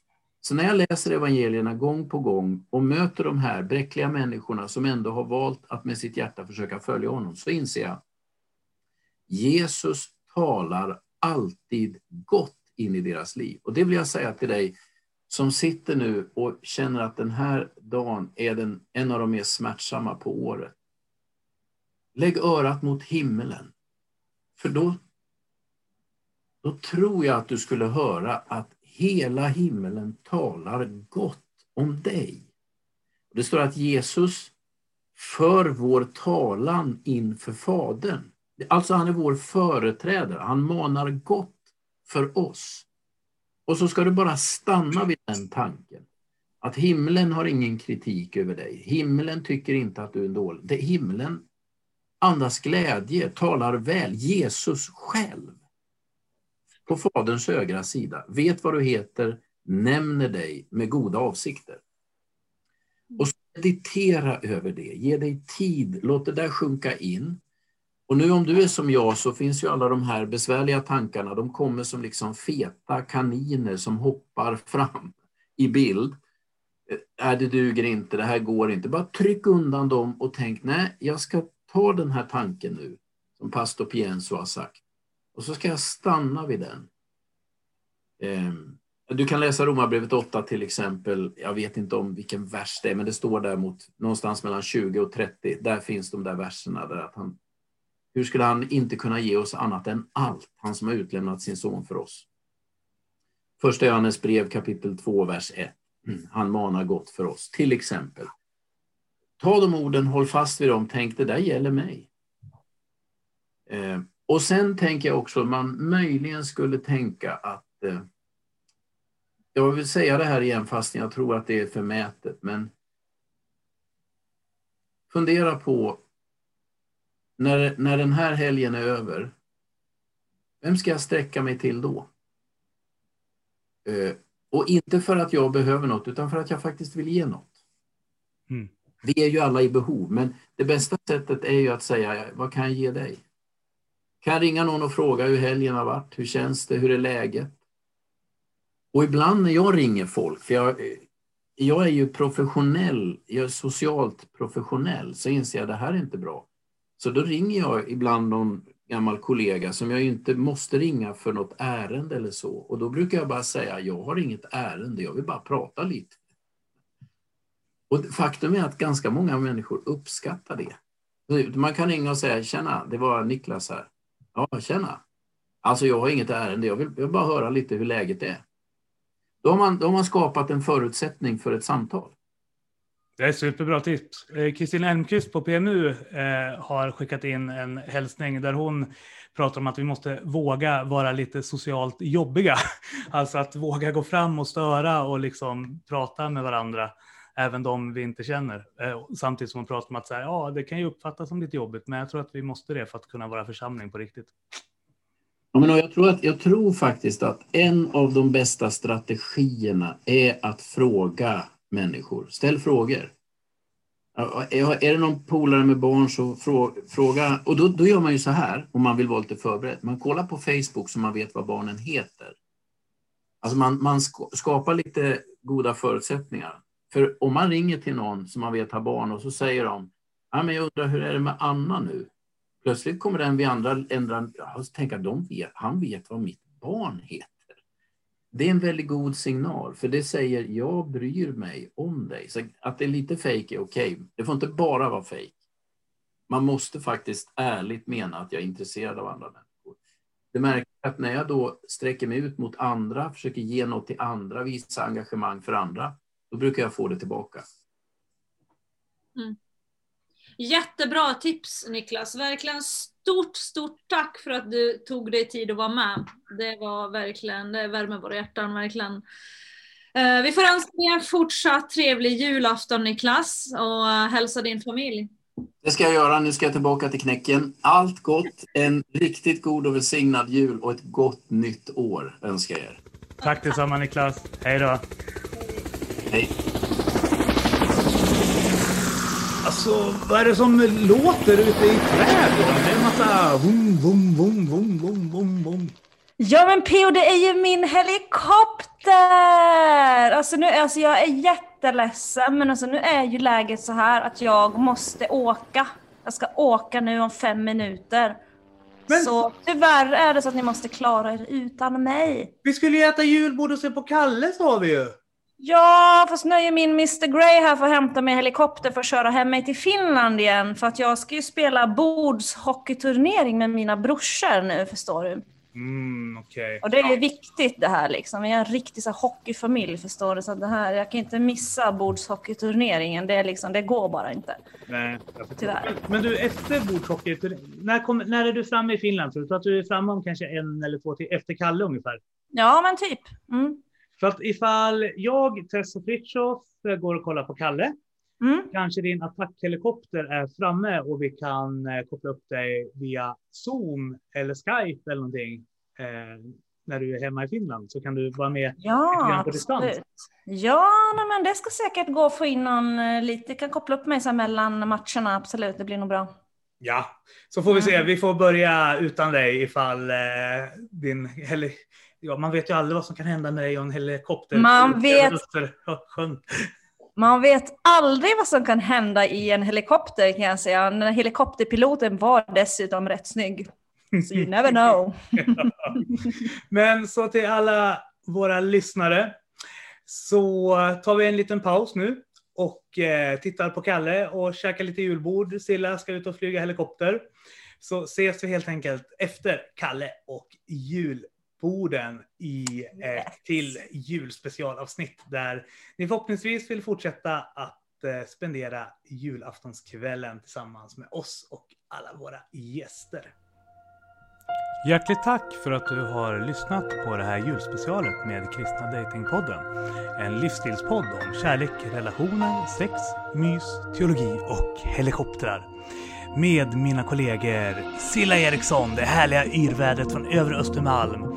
Therese Nöjd, den fantastiska covid-19 undersköterskan från länssjukhuset i Gävle. Och sist men inte minst Marcus Fritjof Andersson, denna fantastiska hamnarbetare och folklivsforskare från Gävle hamn. Podden presenteras i samarbete med kristendate.se, Studieförbundet Bilda och hela Samfunds Sverige.